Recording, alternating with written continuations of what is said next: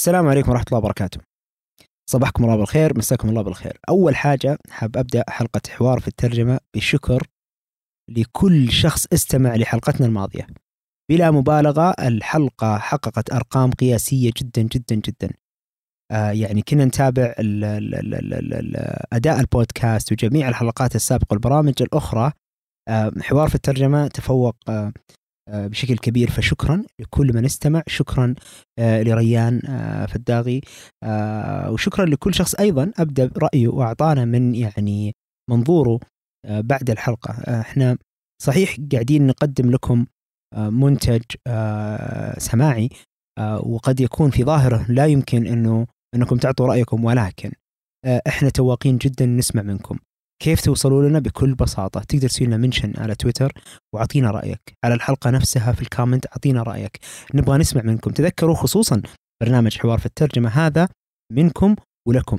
مختص أكثر بالوضع والواقع اللي إحنا نعيشه في سوق الترجمة.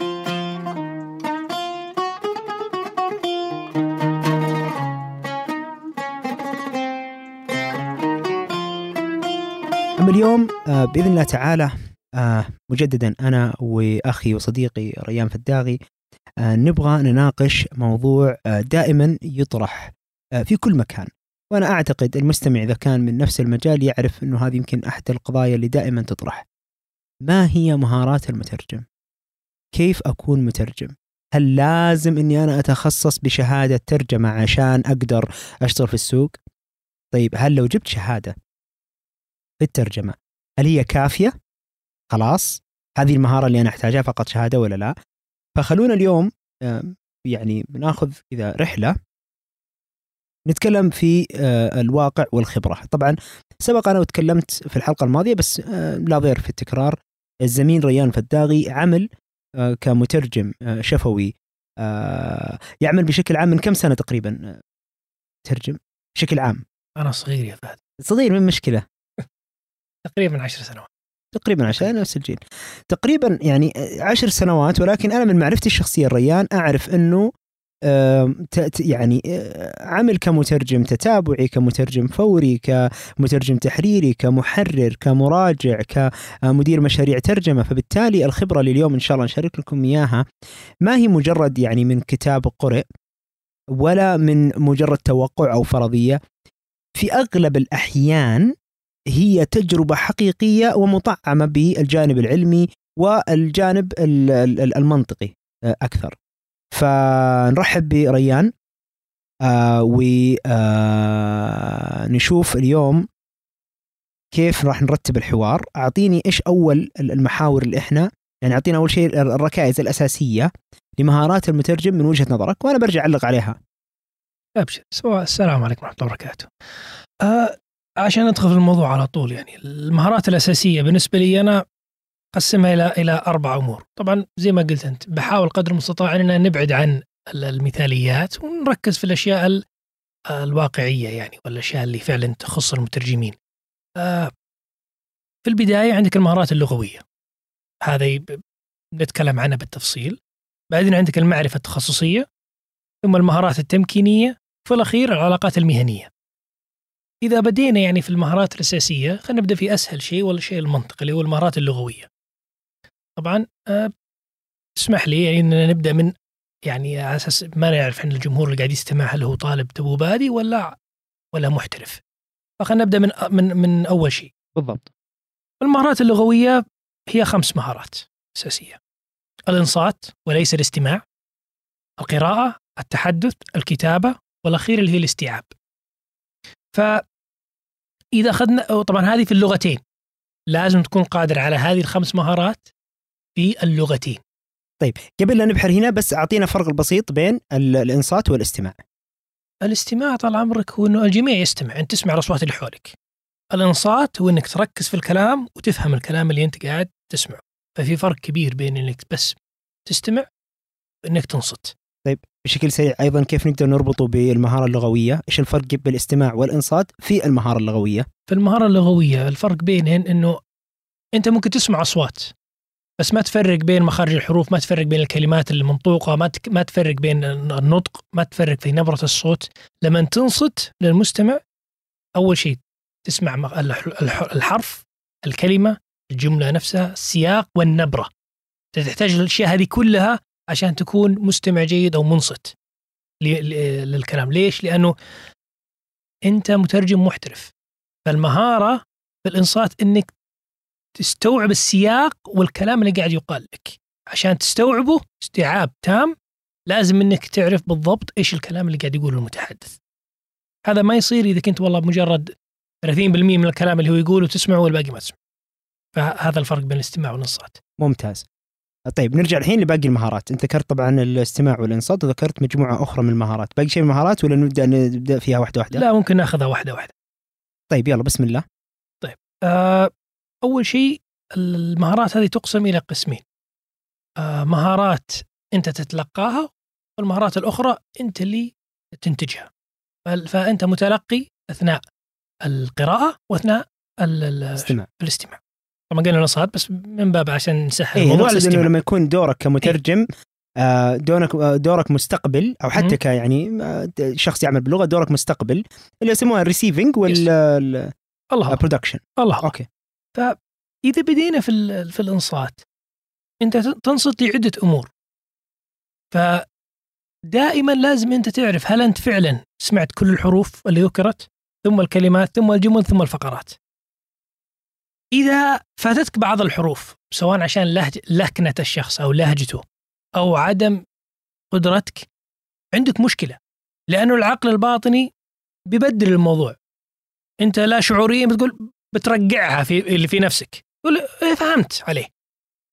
هل أنت فعلا فهمت ولا ما فهمت؟ لازم فأنت هذا شيء أنت لازم تحلل نفسك وتشوف هل أنت فعلا سمعت كل هذا الكلام ولا لا. ومع الوقت خلاص يصير الموضوع هذا يعني سلس يعني تسويه تلقائيا. بعدين عندك اللي الناس تنساها في الانصات اللي هي النبرة آه، والسياق والغاية. الشخص لما يتكلم في العادة له غاية من هذا الكلام. فلازم تعرف ليس فقط الجمل والكلمات والجمل بل تعرف السياق. وين قالها؟ ليش قالها؟ في اي زمن في قالها؟ أي زمن قالها؟ والنبرة. النبرة تعطيك هل هو ساخر هل هو صارم؟ هل هو يمزح؟ لأن النبرة هذه تختلف وتهمنا كمترجمين سواء كنا آه تتابعي أو شفهي عفوا أو تحريري. وبنتكلم عن هذا لما نتكلم عن القراءة بس في, في الإنصات المترجم الشفهي لازم يعرف نبرة الشخص. هل الشخص يبغى يخفف من وط من من الحوار؟ الحوار صار حاد يبغى يخففه أو يبغى يصعد؟ أنت دورك إنك تعرف نبرته نبرة الصوت. وال والغاية أنت اللي تنقل غاية المتحدث للطرف الآخر. فهو إيش غايته من هذا الموضوع؟ ليش أنا دائما بتشوفني أكرر الغاية كثير في الحوار هذا؟ لأنه أحيانا ممكن المتحدث يذكر شيء مثل شعبي عنده. أنت خلي الغاية في بالك. إذا المثل الشعبي هذا بيهين الناس اللي أمامه أو بيزعلهم وقف نبهه. هنا يجي هنا يجي إنك تستوعب أو تعرف الغاية اللي هو قال المثل هذا منه. وهنا يصير دور المترجم الشفوي كما يسمى ال- ال- اللي هو ال culture broker صحيح. إنه يكون دوره أيضا كسر الحاجز الثقافي أو توضيح يعني ال- الحاجز الثقافي. لأن دورك كمترجم دائما ان إنه الحوار يستمر. دورك جسر للحوار. وليس جو دورك إنك تهين أحد الأطراف. إلا إذا فعلا أنت ضامن إنه المتحدث يقصد الإهانة. okay. شكر الله. أه، فهذا فيما يخص الانصات أعطيك مثال على السياق. يعني عندك دائما يعني أنت لما لما تسمع الشخص اللي, أو المتحدث الأصلي يقول لك فرضا bulletproof report okay؟ أنت تبغى تترجم الشيء هذا. ممكن تترجمه حرفيا. ويضيع كل المعنى. ممكن تترجمه بالسياق. تقول أبغى تقرير ما يخر الماء. يملي إيدك يبيض وجهك. على حسب الترجمه الشفويه تاخذ- الشفوية. إنك تاخذ يعني نعم. آه في ناس بيقول لك والله هذا انت هذه ترجمة خلاقة هذه ما هي ما ما هذه تخالف آه ميثاق عمل المترجمين وهو ما قال الكلام هذا. ارجع للغاية. هو لما قال لك إنه هذا التقرير بولت بروف يقصد إنه هذا التقرير أنا أقف خلفه وأنا أضمن الكلام اللي فيه. يقول هذا التقرير مقاوم للرصاص أو مضاد للرصاص. يعني ممكن ممكن يطلع أنا معي على الأقل أنا شخصيا أنا أفكر مثلا تقرير آه، موثوق تقرير آه، ذو ثقة ع... لا مو ذو ثقة عالية تقرير آه، ما أدري والله صراحة ماني عارف فهمت قصدك يعني إنه على الأقل أبعد عن مضاد الرصاص. اي تبعد عن الموضوع هذا لأنه نهاية المطاف أنت قتلت الغاية. الغاية إنه يقول لك أنا واثق من الموضوع هذا انتهى. فهنا يجي فائده الانصات وليس فقط الاستماع. وهنا ممكن بعدين أسألك بعض الأسئلة في أثناء الترجمة الفورية اللي هي هل هل لازم تستوعب الكلام ولا تقدر تترجم بدون استيعاب؟ لكن خلينا ناخذ الموضوع. سؤال سؤال حلو ودي أجاوب عليه الآن إذا أمكن. أنا من النصائح اللي بعض الأحيان أعطيها للمترجم أقول له لا تفهم. فبعضهم يجيني يقول لي شلون يعني ما أفهم شلون أترجم بعد؟ أنا أقول له اللي تسمعه قله اللي فهمته أنت فقط من اللي قلته بس لا تقعد تحاول تفهم إيش صار أمس وقبله لأنه كثير من الأحيان أنت كمترجم شفوي تجي تدخل مثلا بعد زميلك. آه زميلك والله يعني غطى جزئية فهو أعرف فيها وإلى آخره. فبعض الأحيان يعني أذكر من الأمثلة اللي ممكن تصير يعني اللي أنا أضرب فيها هذا المثل اللي أقول لا تحاول تفهم. لما يجيني مثلا آه، يكون أحد يترجم بين شخصين وحصلت يعني كنت مشرف على فريق ويجي مثلا واحد يتحدث يقول مثل الاجتماع اللي حصل أمس. المترجم لا اراديا يقوم يسأل اللي هذا يقول له وش صار أمس؟ أنت تقدر تقول مثل الاجتماع اللي حصل أمس. ولكن من زاوية أخرى دائما أحفز المترجم الشفوي آه، تتابعي كان أو فوري إنه يحاول أن يعرف السياق العام. يجب إنه يعرف إيش اللي حاصل و إلى آخره. بس خلال الترجمة نفسها في أمور you don't have to know it في أمور خلاص أنت ترجم إذا تقدر إذا تقدر تقولها بنفس الدقة اللي قالها قلها. آه، ولا تحاول تتعمق إنك تفهم ما خلفها اللي صار أمس وقبل أمس وغيره.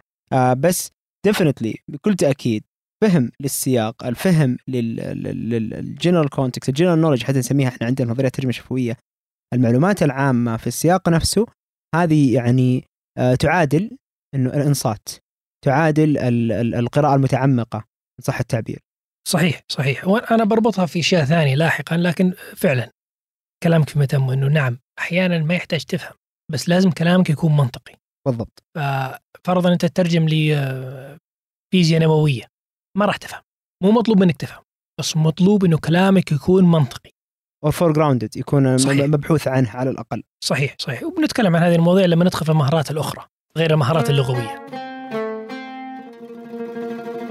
هذا البرنامج برعاية متجر المترجم. متجر المترجم كل ما يحتاجه المترجم وزود. من خلال متجر المترجم تستطيع الحصول على دورات تدريبية أو ورش عمل افتراضية تساعدك على تحسين مهاراتك في الترجمة أو حتى بدء العمل في مجال الترجمة. مو بس كذا. الآن حتى مقتنيات المترجم متاحة.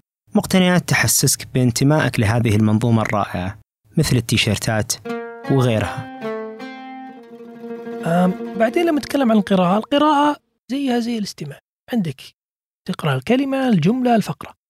أشوف كثير من المترجمين يحاول يقرأ بسرعة يطير بعض الأفعال المهمة يطير بعض الكلمة كلمة تفرق معك.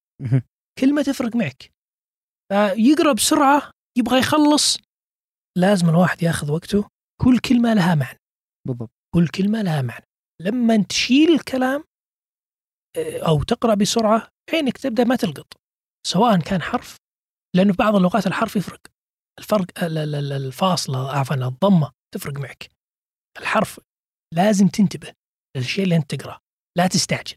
وبدل السياق هنا عندنا نوع النص. عفوا بدل النبرة عندنا نوع النص. لازم تعرف النص هذا إيش. نص ساخر نص علمي نص قانوني النص هذا إيش؟ إيش طبيعته؟ يخاطب من؟ نعم والنص هذا كذلك ما هي الأمور المتوقعة في هذه النصوص؟ المسموح لك تكسر بعض القواعد ولا ما هو مسموح لك تكسر بعض القواعد؟ آه لأنه نهاية المطاف خلينا نكون صادقين يعني بعيدا عن الدكاترة في الجامعة لما تقول والله كتب الكتاب من قبل فلان من قبل هذه دخلت في اللغة. أنت أحيانا تقول لا بس أنا صح. تروح تقرأ لي كتاب قل ولا تقل بكرة ما حد يفهمك. ولا حد ولا حد يهمه أنت صح ولا غلط. يهمه يا أخي الكلام اللي أنت تقوله غير مفهوم غير معتاد. الأفضل إنك لما تقرأ تعرف هل الكلام هذا معتاد ولا غير معتاد. نقطة مهمة لما نتكلم عن المعتاد وغير المعتاد هنا وكأني أستشف أنك تقول يعني من المنطقي ومن الصواب كمبدأ أن المترجم يحاول أن آه، يتقيد بقواعد اللغة فهو إلى حد ما يعني يحمي الثقافة يحمي اللغة من التغيير الغير مسساغ وإلى آخره. ولكن حسب نوع النص وأعتقد يمكن من تجاربنا أيضا في العمل بعض الأحيان أنت تكتب تقرير أو تترجم تقرير سوف يقرأ من شخص واحد أو من عدد من الأشخاص وبعدين آه، يهمل. ما هو معد للنشر؟ هو معد يعني فقط لغرض محدد. فكأني أستشف من كلامك إنه هنا ممكن إنه إحنا نصير أقرب لخطأ دارج ولا أني أحاول أني أرتقي باللغة وأتعمق فيها وإلى آخره على حساب فقط على حساب إنه ما يفهم ال- ال- الملف هذا بالتالي ما حقق غايته اللي هي إنه كان محتاج إنه الشخص اللي يقرأ هذا الملف ينتهي منه. على العكس تماما عشان ما حد يفهمنا غلط إنه لما يكون مثلا عندك شيء معدل نشر آه شيء على مستوى آه يعني القراء عموم أو قراء حتى يعني مثقفين أو غيره مثل ال- الكتب للنشر أو تقارير لمعدل النشر أو غيره هنا ممكن إنه شخص بقدر الإمكان يتجنب الأخطاء الدارجة ويحاول هو بحد ذاته يثري آه، اللغة. كلامي في محله ولا لا، لا، تحس إنه. في شيء؟ صحيح صحيح صحيح. وال- والنقطة الأخيرة اللي في القراءة هو أنه لا تفترض أن الكاتب أحمق. أعرف كثير مترجمين وأنا من ضمنهم أحيانا. تقرأ وتقول يا أخي هذا وش يبغى؟ ما يعرف يكتب. أنت لما تصعب النص على نفسك ما راح تستوعبه. لما تبدأ تقول أن الكاتب هذا أه- أهبل أو ال- ال- الكتابة ركيكة ارجع للغاية. ليش استخدم هذا اللفظ؟ ليش استخدم هذا الأسلوب؟ وحاول قدر المستطاع أنك ما تفرض الغباء في الآخرين لا سيما لما تقرأ. لا القارئ ولا الكاتب. لا القارئ ولا الكاتب. فكثير لازم إنك تفهم السياق. ترجع يمكن الجملة هذه غير واضحة. كمل. يعني أحيانا كثير من المترجمين يجي نص ما يكمله ما يقرأ جملة بجملة يبدأ يترجم على طول. ويخليهم يخطون أخطاء مفروض ما يخطونها. أو يبدأ يترجم قبل ما يفهم السياق كامل. أحيانا طبعا أنا طبيعي بطبيعة العمل مو مو من المنطق إنه المترجم يقرأ النص كامل بعدين يرجع. لكن اقرأ على الأقل الفقرة اللي قبل والفقرة اللي بعد. اقرأ لين يكتمل عندك الفكرة قبل ما تحكم على النص إنه غير مفهوم ولا الجمله هذه غير صحيحة وما إلى ذلك. فأشوف كثير من المترجمين يعني فرضا خلينا نقول أنت بتترجم تقرير أو كتاب على الأقل اقرأ يعني اقرأ الباب الأول قبل ما تحكم على الباب. أما مسألة إنك تقرأ الكتاب كامل صعبة مع إنه أفضل لكنها صعبة. لكن تقرأ كلمة وتبدأ تترجم أكيد ما راح تفهم. أكيد الترجمة بتصير عندك صعوبة. أكيد ما راح تفهم القارئ إذا ما إلى ماذا يرمي. فهنا هنا أهمية ان القراءة تكون قراءة صحيحة دقيقة قبل البدء. طبعا كيف تطور مهارة القراءة؟ بالقراءه قبل قبل ما نتكلم عن تطوير مهارة القراءة نبغى بس إيش يعني نسوي زي تلخيص بسيط للي قلناه قبل شوي. يعني من أهم المهارات الآن إحنا نتكلم عن الاستقبال الجيد للنص لل context للسياق. الاستقبال الجيد قد يكون مسموع صحيح. وقد يكون مقروء. في كل الأحوال أنت تحتاج بعض من العدد والأدوات اللي أنت تستخدمها تحسن ذلك. قلنا في الاستماع يجب أن تنصت بدل الاستماع وأنك تحاول أنك تفهم ال- ال- ال- اللي يقال وتأخذ بعين الاعتبار الأمور الأخرى حتى أشياء ال visual الأشياء المرئية أمامك. وفي القراءة قلنا أضعف الأحوال اقرأ يعني ال paragraph فوق paragraph تحت بعدين ترجم الجزئية اللي بينهم في النص فصار عندك أنت عارف وش اللي جايك وش اللي جاي من ورا وش اللي بيجيك قدام. فهنا يتحسن عندك الإنتاج. تمام؟ الآن نبغى ننتقل في المهارات اللغوية الآن ما زلنا فيها كركن. نبغى ننتقل للقراءة كيف ممكن نطور القراءة؟ لأنه إحنا تكلمنا عن الاستماع كيف تطورها إنك تاخذ أمور كثيرة بس القراءة كيف نطورها؟ عدة أمور. الأمر الأول تقرأ. من هذا بديهي أنا عارف لكن اقرأ نصوص أنت تحبها واقرأ نصوص صعبة عليك. لا تقرأ فقط نصوص والله تحب الأخبار اقرأ في الأخبار. طب روح اقرأ أشياء علمية. اقرأ آه، روايات. اقرأ آه، اقرأ قدر المستطاع في عدة أنواع من النصوص لأن كل نص له طريقة في إيضاح المعنى أو في إيصال المعنى. فحاول قدر المستطاع إنك تكون قارئ شامل على الأقل عندك اطلاع على كيفية إيصال المعلومة بعدة طرق. القراءة تطور عن طريق إنك تعرض نفسك لنصوص أنت ما أنت مرتاح لها. نصوص صعبة عليك. اقرأ فيها. لا تقرأ فقط في المجالات اللي أنت تفهم فيها. هذا الشيء الأول. الشيء الثاني آه ما في مانع أن أثناء القراءة ابحث عن معنى الكلمة في هذا السياق. لا تقرأ بس. فهمت الجملة بس في كلمة ما فهمتها أو حسيت الكلمة هذه ليس في محلها ابحث عن هذا الموضوع. القراءه تكون يعني هكذا تتطور. ما لك إلا أنك تقرأ. طبعا أنت تتكلم الآن في سياق القراءة لتطوير مهارة القراءة وليس القراءة لغرض الترجمة الآن. يعني مو إنه واحد معاه نص وقاعد يقرأ عشان يترجمه. طور إنه هذه كممارسة أساسية للمترجم كركيزة في حياته. يجب أن يكون قارئ شمولي بشكل عام. هذا أهم شيء إنه ما يكره القراءة. اثنين إنه لما يعرض نفسه لمستويات مختلفة. صحيح؟ طبعا في في أمور أخرى زي اللي يقول اقرأ جهرا علشان تشوف هل أنت فعلا قاعد تستوعب الكلام اللي يقال. من من من طرق تطوير القراءة عندك اللي هي التلخيص. لأنه أغلب المهارات هذه مترابطة. ممكن تسمع لكتاب صوتي وممكن تقرأ. الاستماع للكتاب الصوتي يس- يساعدك في بعض الأمور والقراءة نفسها تساعدك في بعض الأمور. إنه عينك تتعود على على آه، شكل شكل الكلمات. تعرف إنه الكلمة هذه مكتوبة بشكل صحيح ام أم لا. هذه تحسن حتى لاحقا الكتابة. فهي مرتبطة في بعض. طبعا القراءة لوحده لا يكفي. لازم تقرأ ولازم تست... ولازم تستمع. أنت لازم لازم تكسب الاثنين. لأنه يساعدك في أمور كثيرة. أغلب المهارات هذه ما هي مسألة يا هذا يا هذا. كثير من المترجمين يخطئ يقول لك طب أنا أنا مترجم شفهي.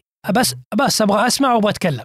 ما يهمني القراءة ولا يهمني الكتابة. بيسمع وأتكلم وأمشي بس. ما راح تفلح.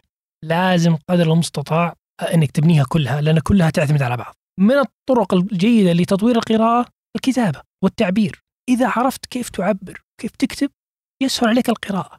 لأنه الكتابة طريق هي وسيلتك لإيصال معلومة والقراءة وسيلتك لاستيعاب معلومة. إذا كنت تعرف كيف أنت تكتب تعرف كيف الكاتب هذا أراد أن يصل إلى معلومة معينة فتساعدك كثير. بعض الناس يخطي يقول لك عشان تفهم القراءة عشان تصير قارئ أفضل اقرأ فقط. ما هي بهالسهولة. خصوصا المترجم. المترجم في النهاية مطلوب منه يكتب نص بلغة أخرى. صحيح أنها مبنية ال- ال- الترجمة على القراءة في الأصل ولكن في النهاية أنت تعبر أنت في النهاية قاعد تكتب. إذا ما كنت تحسن الكتابة قد يكون فهمك رائع ولكن لأنك لا تحسن التعبير قد هنا تخذل. وفي النهاية ستقيم على ما كتبت وليس على ما قرأت.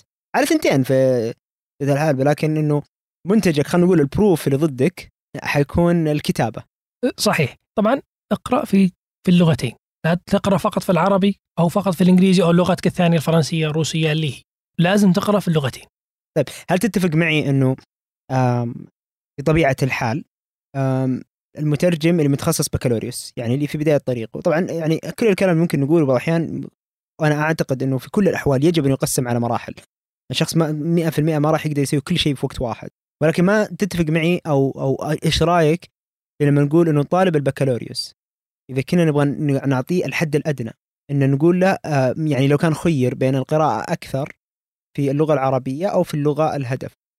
علما بأن طبيعة السوق عندنا آه، تفترض دائما إنك سوف تترجم وهذا واقع سوف تترجم من اللغة الهدف إلى العربي.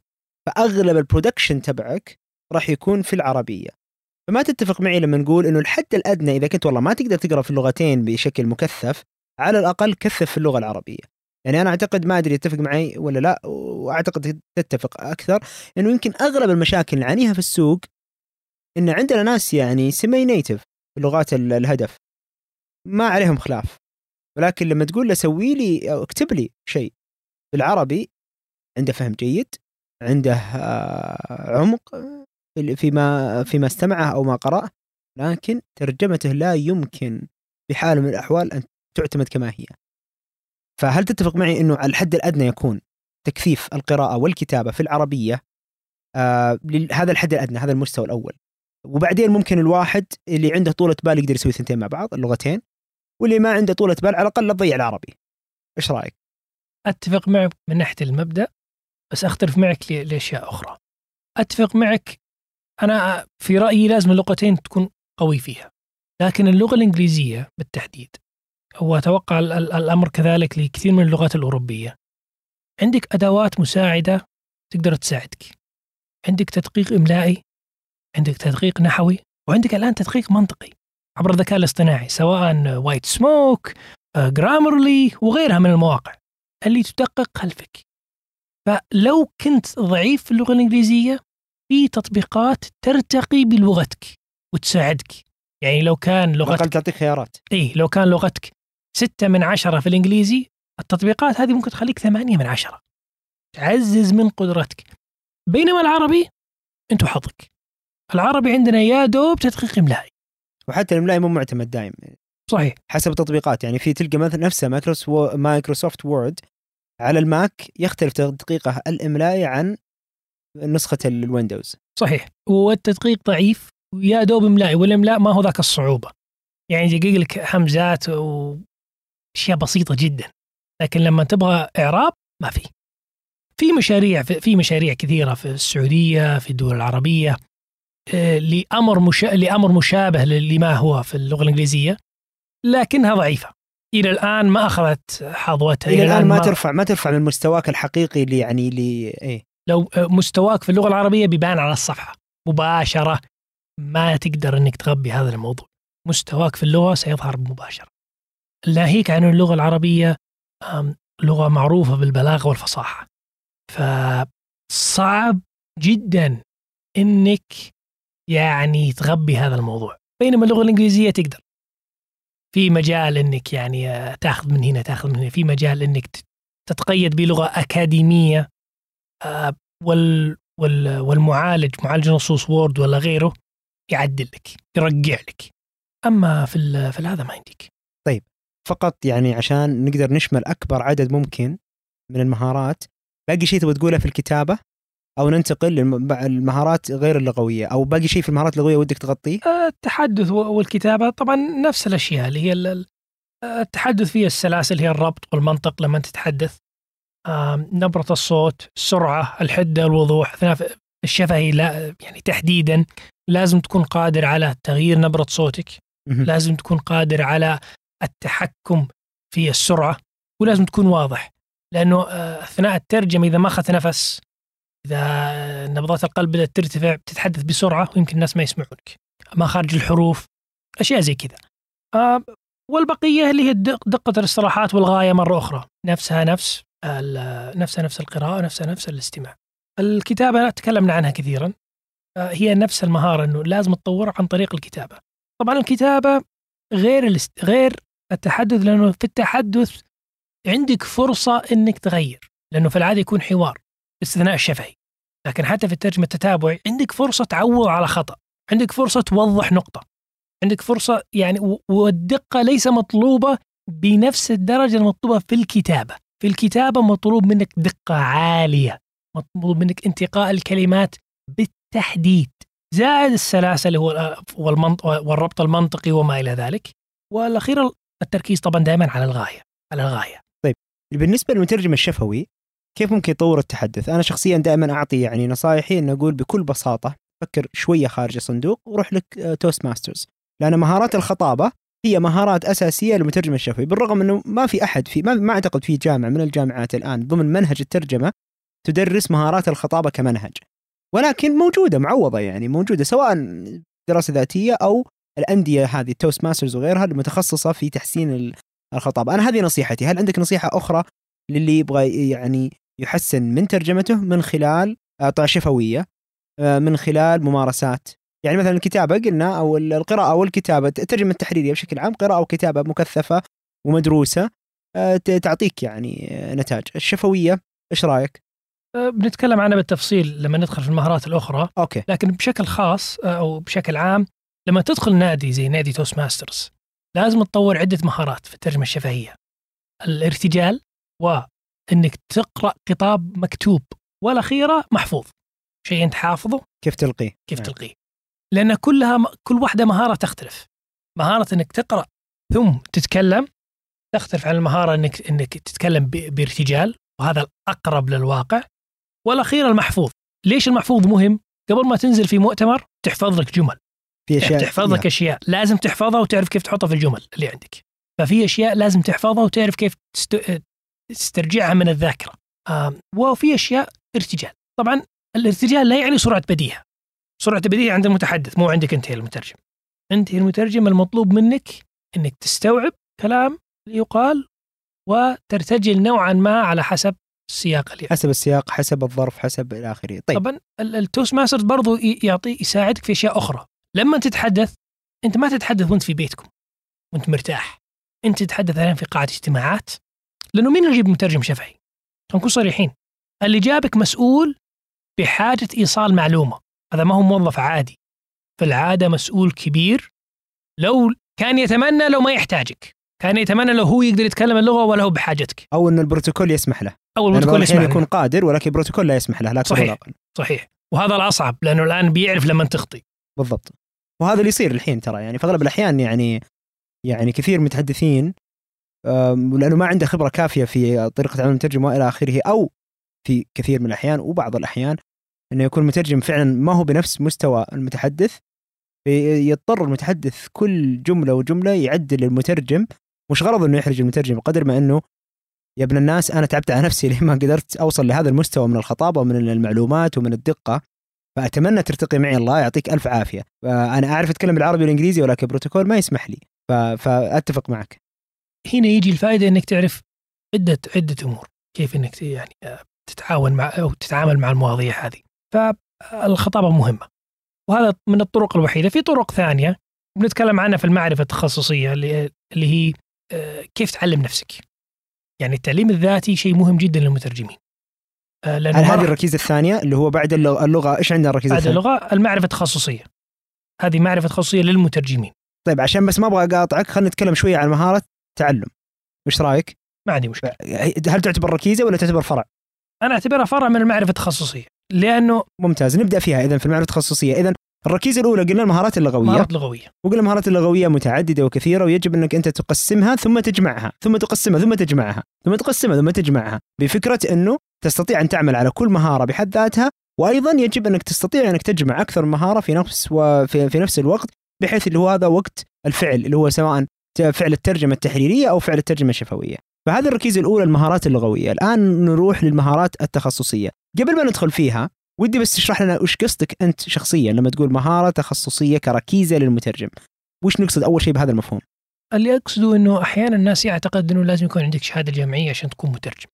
أو يعتقد إنه الشهاده تمنحه هاله عجيبة ما حد يقدر يعني يكون مترجم بدونها. غير صحيح. في معرفة تخصصية. إذا كسبها الشخص وكانت مع المهارات اللغوية تفوق عليك في الترجمة. أعطيك مثال. ليش أنا أسميها معرفة تخصصية؟ لو جاء طبيب جراح جراح قلب ولغته كويسة ترجمته في مجاله في الجراحة ستتفوق على المترجمين الآخرين. نظرا لمعرفته التخصصية في المجال. فحنا كمترجمين أحيانا نخطي ونعتقد إنه المعرفة التخصصيه هي اللغة هذا غير صحيح. كونك بارع باللغة ممتاز. هذه step 1 هذا step 1 هذه الخطوة الأولى. بس نادر ما راح تتكلم في حوار في الترجمة أو في في جلسة ترجمه عن اللغة.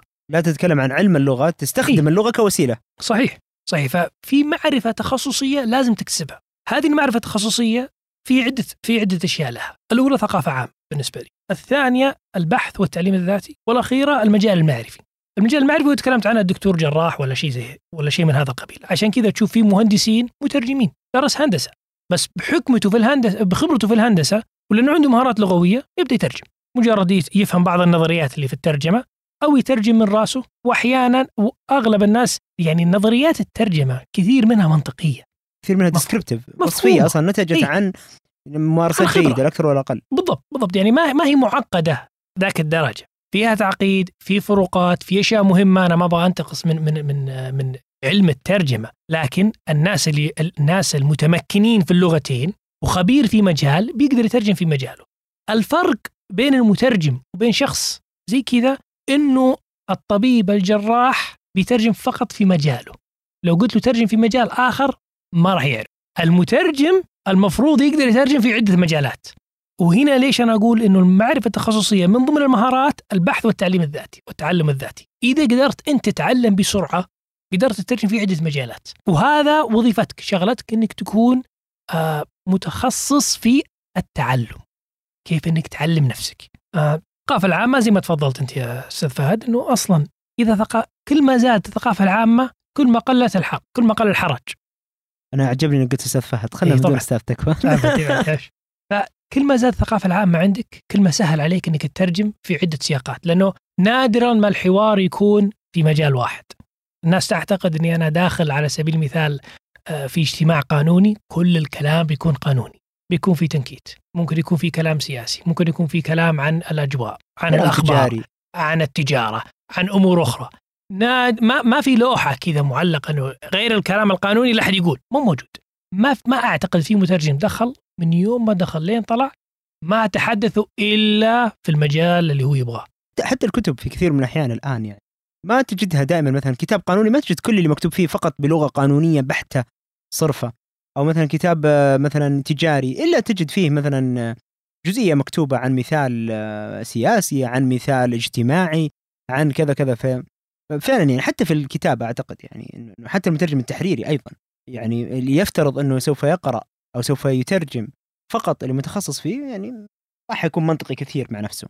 صحيح صحيح. يعني أغلب النصوص يتراوح طبعا حسب حسب النص نفسه لكن أغلب النصوص نسبة الاصطلاحات اللي فيها أقل مما تتصور. يعني سواء كان كتاب عن الرياضيات أو كتاب عن وهذا اللي يخلي المترجم يقدر يترجم في عدة مجالات. لأنه بالفعل أغلب النصوص في أشياء مشتركة كثيرة يمكن 80% منها مشتركة على الاقل من خبرتي يعني. طبعا 20% هذا اللي اللي يبين هل المترجم ناجح ولا فاشل ولكن 80% سقط بحكم الخبرة وبحكم إنك مترجم آه، محترف أو على على متكامل. متكامل نعم. أو تص... أو تريد الوصول للاحتراف فهذا الفرق. طبعا المترجم لازم يكون منصف مع نفسه. بمعنى؟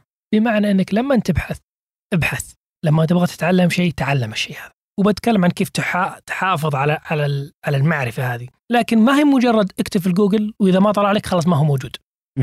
ولا اكتب في الجوجل جوجل واضغط على أول رابط وبسم الله خلاص صرت خبير. لا الواحد يكون منطقي شوي. يعرف إنه okay البحث هذا اللي أنا ببحثه بياخذ وقت. يمكن أضطر أقرأ مقال مقالين.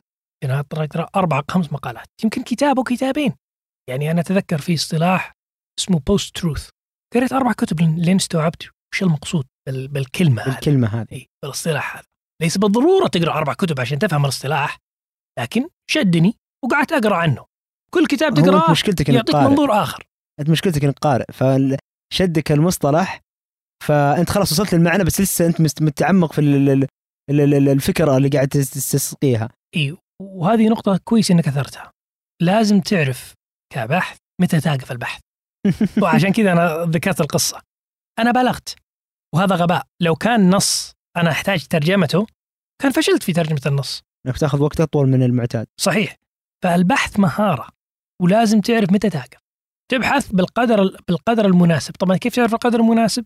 على حسب الخبرة، تجي مع الخبرة ولكن بشكل عام تفتح موقعين ثلاثة أربعة بس مصادر موثوقة. مهم. كيف تعرف إنه مصدر موثوق؟ موقع زي بروز، جوجل يساعدك أحيانا لما يعلمك هل الموقع هذا آه، مصدر موثوق أم لا، حكم الخبرة، آه، مواقع الأخبار أول كانت موثوقة الآن صعبة، الآن صاروا كثير يعني مش زي أول التحرير كان مثلا لما تجد شيء في مواقع الأخبار أول. تعرف إنه ما صار محرر لين ما يعني تعب. الآن الكل يستطيع أن ينشر أخبار. صحيح، فالآن صار أصعب شوي بس تجي مع الخبرة وتجي يعني بالإحصاء. إذا عندك أربع خمس مقالات كلها اتفقت؟ كلها اتفقت خلاص، هذا يعني المعنى أو هذا اللي ال- البحث هنا يكفي. أكثر من كذا مو مطلوب منك حاليا، إلا إذا كان خمس مقالات كل مقال يضرب في الثاني، هنا تعرف إنه عندك مشكلة، قد تضطر إنك آه، تتواصل مع الكاتب نفسه أو تضطر إنك تحط ملاحظة.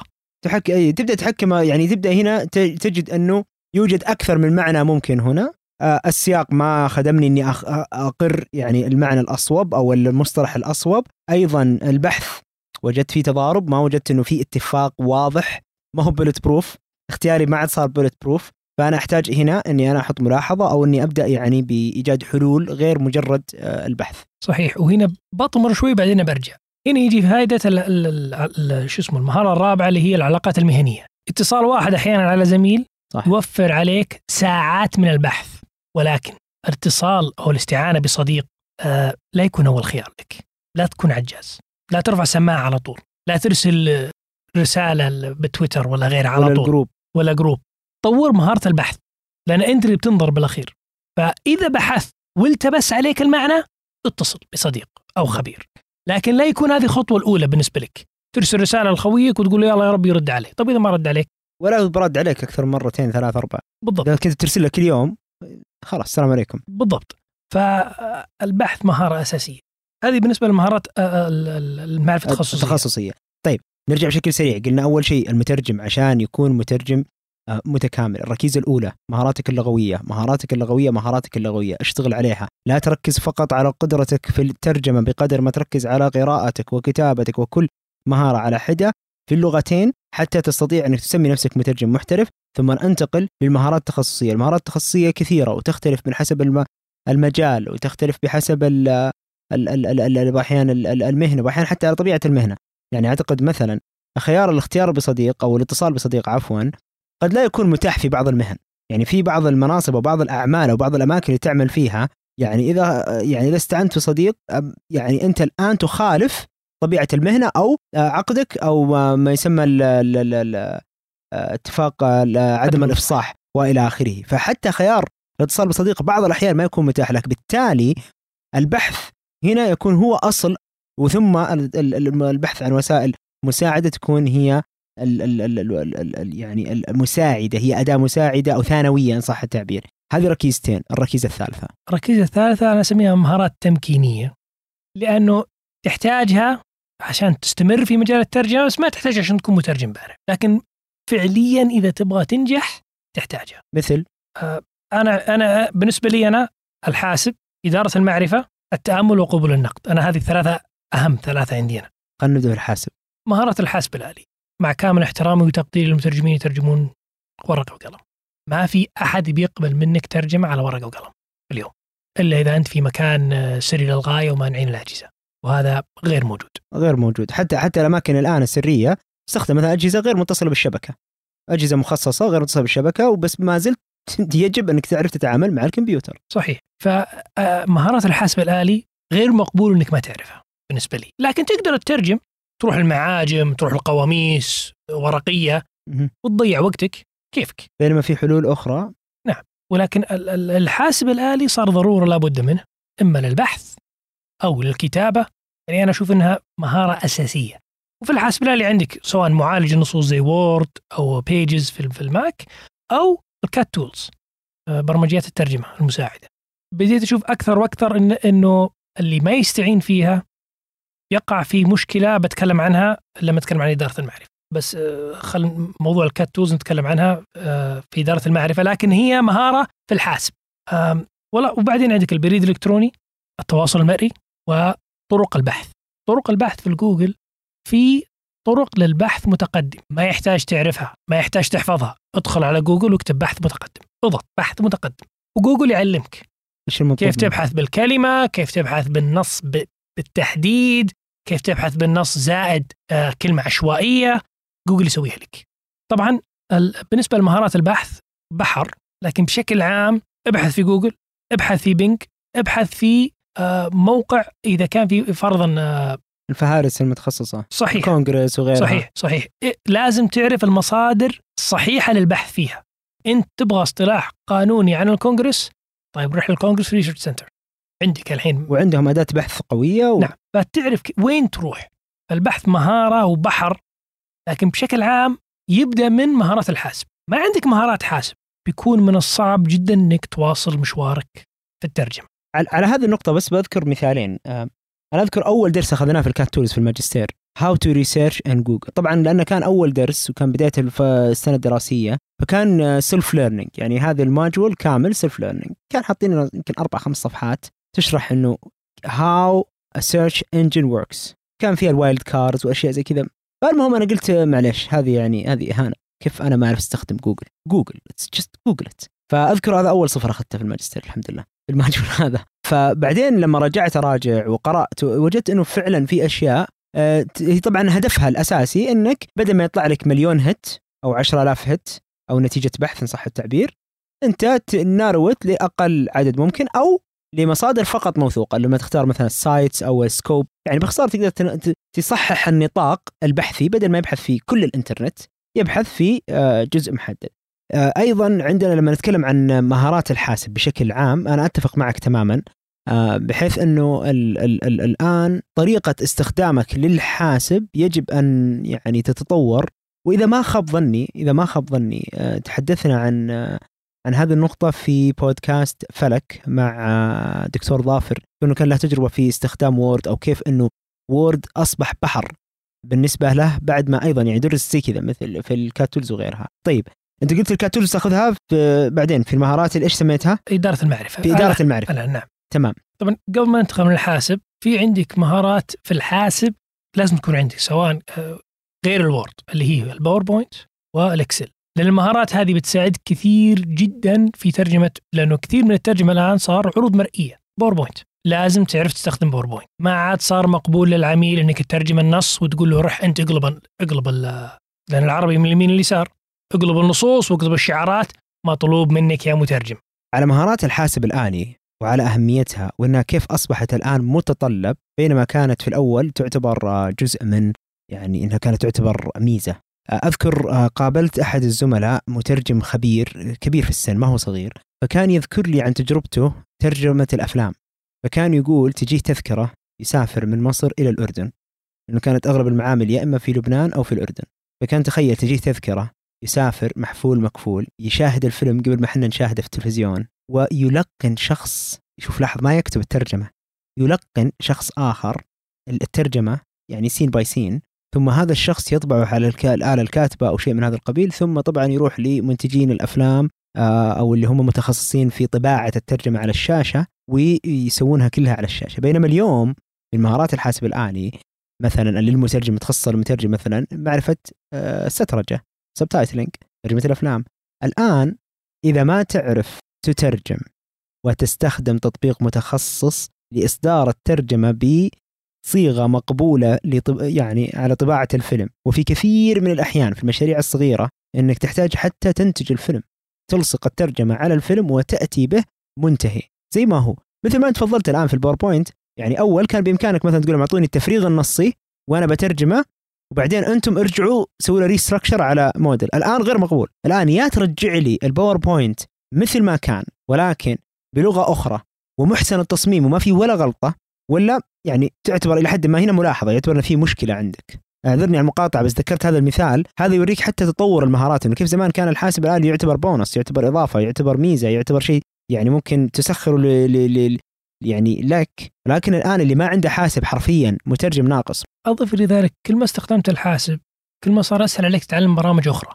فلو رحت العميل وكان عنده تطبيق خاص تعرف تواكب تعرف تستخدم مهم مهم فعلا غير كذا تعرف كيف ترسل النص للعميل.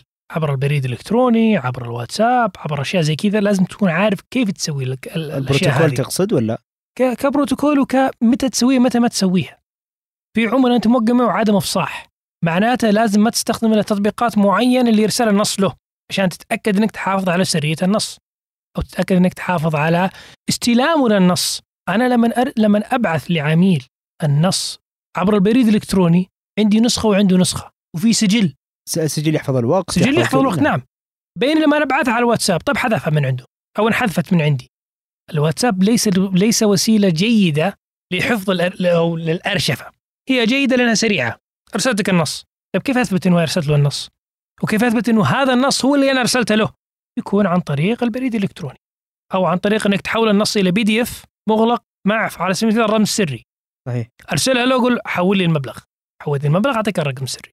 على سبيل المثال. أو على الأقل أحفظ إنه هذا الشكل النص. على سبيل المثال أحيانا ال- ال Word يتغير ما بين ال Windows وال Mac. خلينا نفترض جدلا إن- انك أنت تشت... Pages مثلا و- ومايكروسوفت لا لا لا. حتى Microsoft Word. Microsoft Word على ال Mac غير على ال Windows. حسب حجم الشاشة حسب أمور كثيرة. أنت لما تخزن الملف بصيغة Word وبصيغة PDF ترسله للعميل.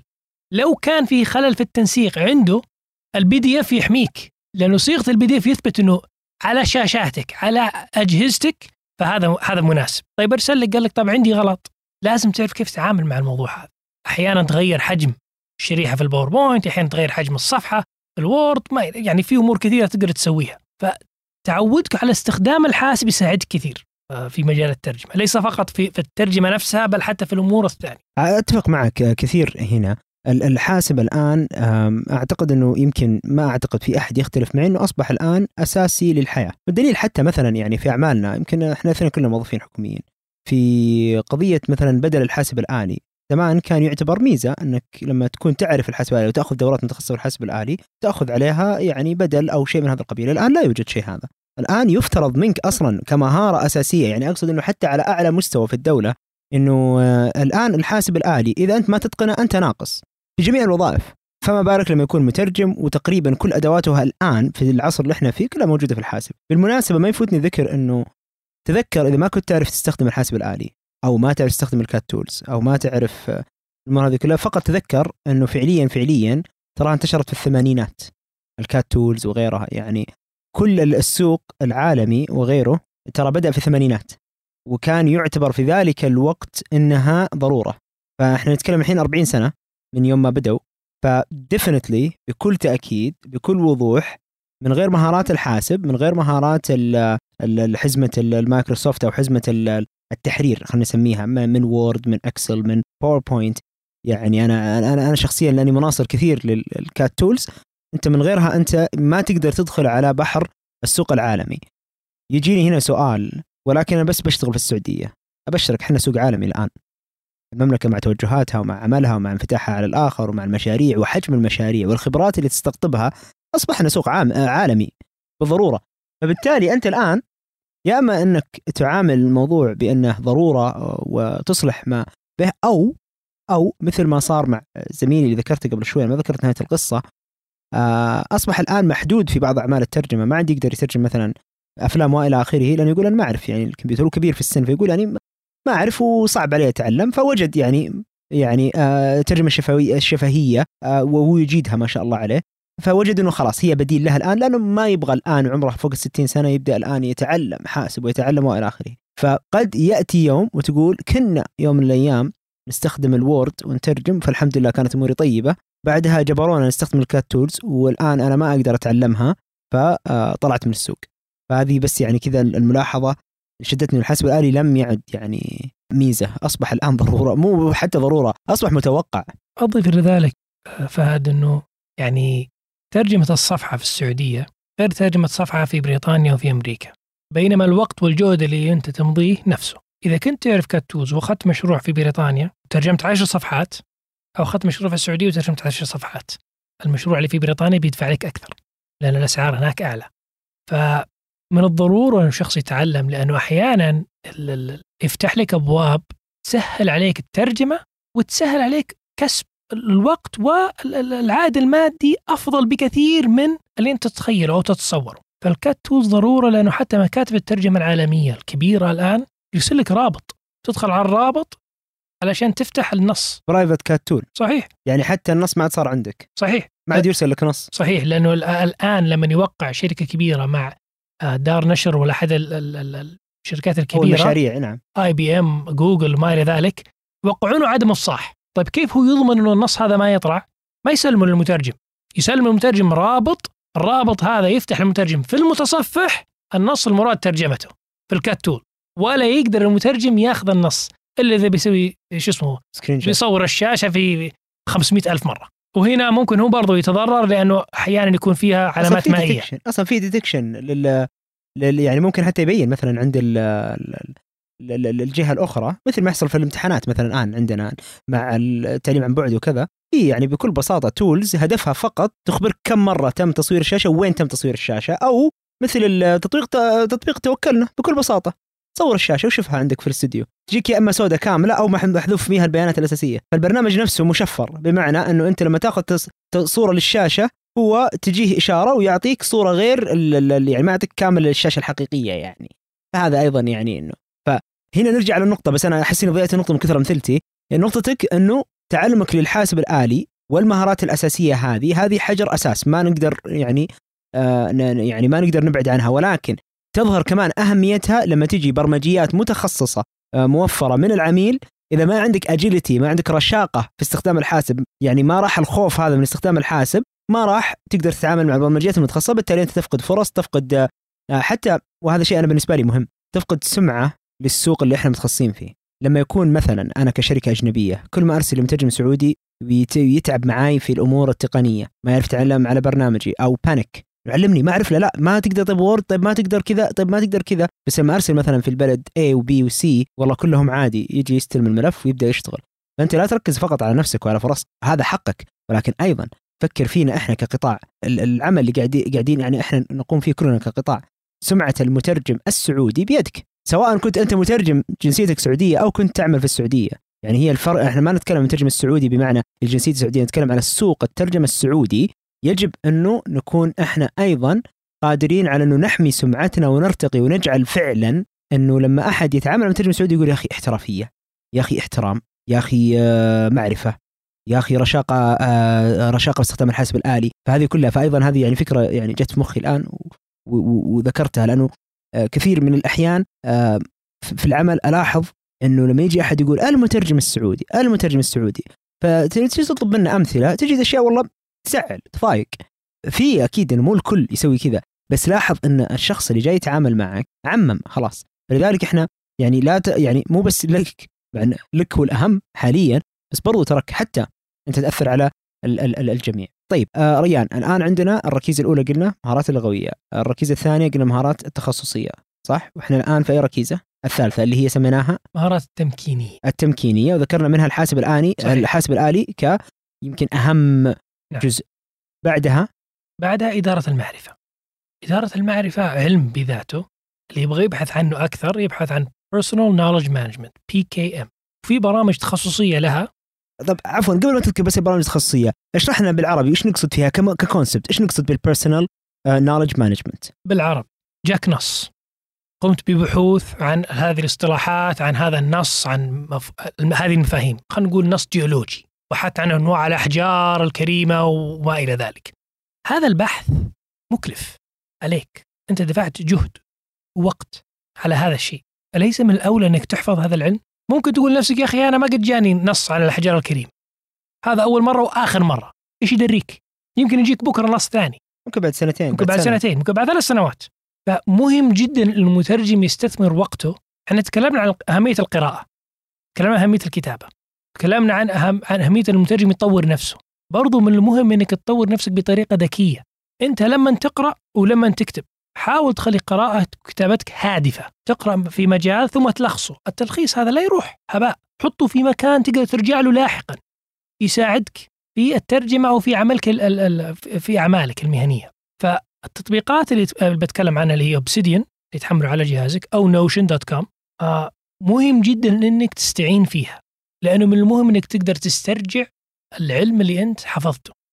مساله إنك تحطه والله في ملفات وبكرة تقعد لك أربع ساعات تحاول تبحث عن الملف اللي انت كنت حاطه صعبة. أنا ما أقول افتح مدونة ولكن على الأقل احفظ المعرفة اللي أنت تكسبها. احفظها بطريقة يعني كان ارشفه بطريقة أيضا أنت قادر على البحث فيها مو بس يعني ترمي ملفات. وعشان كذا هو ال هو ال النقطة الثانية وليس الأولى لأنه مهارات الحاسب هي اللي تساعدك على حفظ المعرفة هذه. أحيانا تروح المؤتمر نعطي مثال على الترجمة الشفهية. مؤتمر عن أمر تخصصي معين. ويعطونك نصوص ويعطونك معلومات ويعطونك اصطلاحات. تاخذها تستفيد منها. تستخدمها في الترجمة. تطلع من المؤتمر أنت الآن حر. تقدر تكبها في زبالة أو ترميها في السيارة أو ترميها في مكان ما ولا تستفيد. بكرة يدقون عليك تتمنى ان الملفات هذه كانت عندك. نعم. أو بكرة واحد من زملائك يدق عليك يقول تعرف شيء عن هالمجال؟ تمنى إنه ملف عندك عشان تخدم هذا الزميل عشان بكرة هو يخدمك. فهذه الأشياء مهمة جدا. كيف تحافظ على هذه المعرفة؟ في أسس وأركان لها. أول شيء تقرأ وتختزلها. لأنه مو معقول تقراها كاملة. أنت قرأت مقال 40 صفحة. لا تقراه ثانية. اختزله. حط له معلومات آه، يسمونه بيانات وصفية metadata بالعربي هاشتاجات حط أربع أو خمس hashtags عشان أنت ترجع تقول okay المقال هذا إيش العناصر الأساسية؟ إيش المحاور الأساسية اللي فيها؟ واحد اثنين ثلاثة، لا والله ما أبغى اقرا ثانية، ما يحتاج اقراه.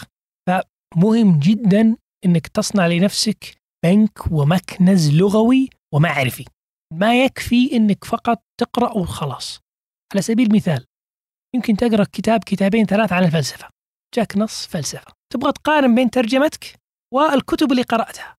إذا الكتب حاضرة تقدر تقارن تقرأ الكتاب وتشوف اللغة المستخدمة في هذا الكتاب ثم تقرأ ترجمتك وتقارن هل لغتك مشابهة ولا غير مشابهة مهم جدا أنه المترجم يحافظ على الجهد اللي هو يخسره في البحث آه، عن عن الاصطلاحات أو آه، يبحث عن موضوع معين. فمهم جدا أنك تحافظ على وقتك وجهدك ولا بتلقى نفسك تبحث عن نفس الاصطلاح 70 مرة. on this note ابى أرجع على نقطة ال CAT tools إحنا يمكن لسه ما ما تكلمنا عنها ولكن أعتقد آه، في إدارة للمعرفة للغرض الشخصي وفي لغرض الترجمة. أعتقد لغرض الترجمة التحريرية يمكن سهل تغطيتها. الآن برامج ال CAT tools مثلا عندك SDL Trados في الاستوديو اللي تقدر ترجم فيه وفي MultiTerm MultiTerm هذا يشرح لك المصطلحات مع ال context مع المراجع مع الصور. إذا كانت concepts تحتاج صور you can do all of that كله ما عندك مشكلة. ولكن اللي وجدت اللي أنا أقوم فيه بعض الأحيان يعتبر يعني هو طبعا دمج أكثر مهارة ولكن اكتشفت إنه هذا شيء ممكن يعني وأعتقد إنه يعني الآن ما ظهر في السوق ولكن أعتقد إنه حيكون أحد مست... استقبال يعني أحد أشكال مستقبل المترجم الشفوي. أنا أستخدم آه، ال- ال- ال- ال corpus لتحليل النصوص في أداة اسمها AntConc مفتوحة المصدر. آه، مثلا فلنفترض جاني مؤتمر بيئي. آه، يتكلم مثلا عن ال ecosystem sustainability all I have to do أو كل اللي لازم أسويه ان أنا أروح أدور 10 15 20 25 مقال. أكثر شيء أقدر عليه من آه، مصادر موثوقة أو شبه موثوقة أو قوية. بعد ذلك أفرغها نصيا بمعنى إنه هي مقالات تكون مثلا بصيغة HTML اللي هي على الشاشة شاشة الإنترنت. أنا أحتاج بس إني أحفظها بصيغة text عشان تكون فقط حروف يعني binaries تكون zeros and ones AntConc هنا يسوي لي سحر. أدخل المصطلحات هذه كلها وأدخل الملفات 10 20 25 ملف ما يفرق. بعدها أقوم أقول له سوي لي عليها study corpus جمعها وطلع لي إحصاءات. طبعا ال corpus tools يعني اللي يسمونها بالعربي الظاهر المتون اللغوية إذا ما خاب ظني. بعضهم يسمونها مكانز بعضهم يسمونها متون لغوية آه، إلكترونية. هي فكرتها إنه بدل ما مثلا تبغى تدور كم كلمة تكررت في الكتاب تقعد تدور كل صفحة وتحط عليها مثلا لون أصفر أصفر أصفر إنك تكتب ورقة وقلم هو بضغطه زر يحدد لك كل الكلمات اللي تكررت والكلمات اللي آه وطبعا تعمل بالعربي والإنجليزي ما يعني لأنه هو binary هو يتكلم هو فقط ياخذ يعني الكلمات نفسها. الإنجليزية أفضل طبيعة الحال في التحليل ولكن آه هو إحصائي بحت. المهم فأنا أحط الحين 25 مقال وأسوي عليها دراسة بعدها يطلع لي مثلا أكثر كلمات تكررت. طبعا بطبيعة اللغات طبيعه اللغة الإنجليزية تحديدا تجد أكثر كلمة تكررت the a an فهنا إلى حد ما يجيك واحد يقول لك ضاع الهدف. بسيطة. في مستند اسمه stop list وهي ميزة موجودة في ال corpus وهذا ملف واحد ثابت يكون عندك في الجهاز. تجي تحط تقول له طيب الله يسعدك. يا برنامج خذ هذا الستوب ليست امنعنا من الشر امنعنا من الكلمات المتكررة هذه. ذي هي شي آن دا واعطيني فقط الكلمات المتخصصة. في إذا أعطيته كميات كبيرة مثلا 10 20 25 مقال كلها تحدث عن نفس الفكرة تقريبا. متن لغوي. يأتيك في النهاية بنتيجة أكثر كلمات متكررة. مو بس كذا.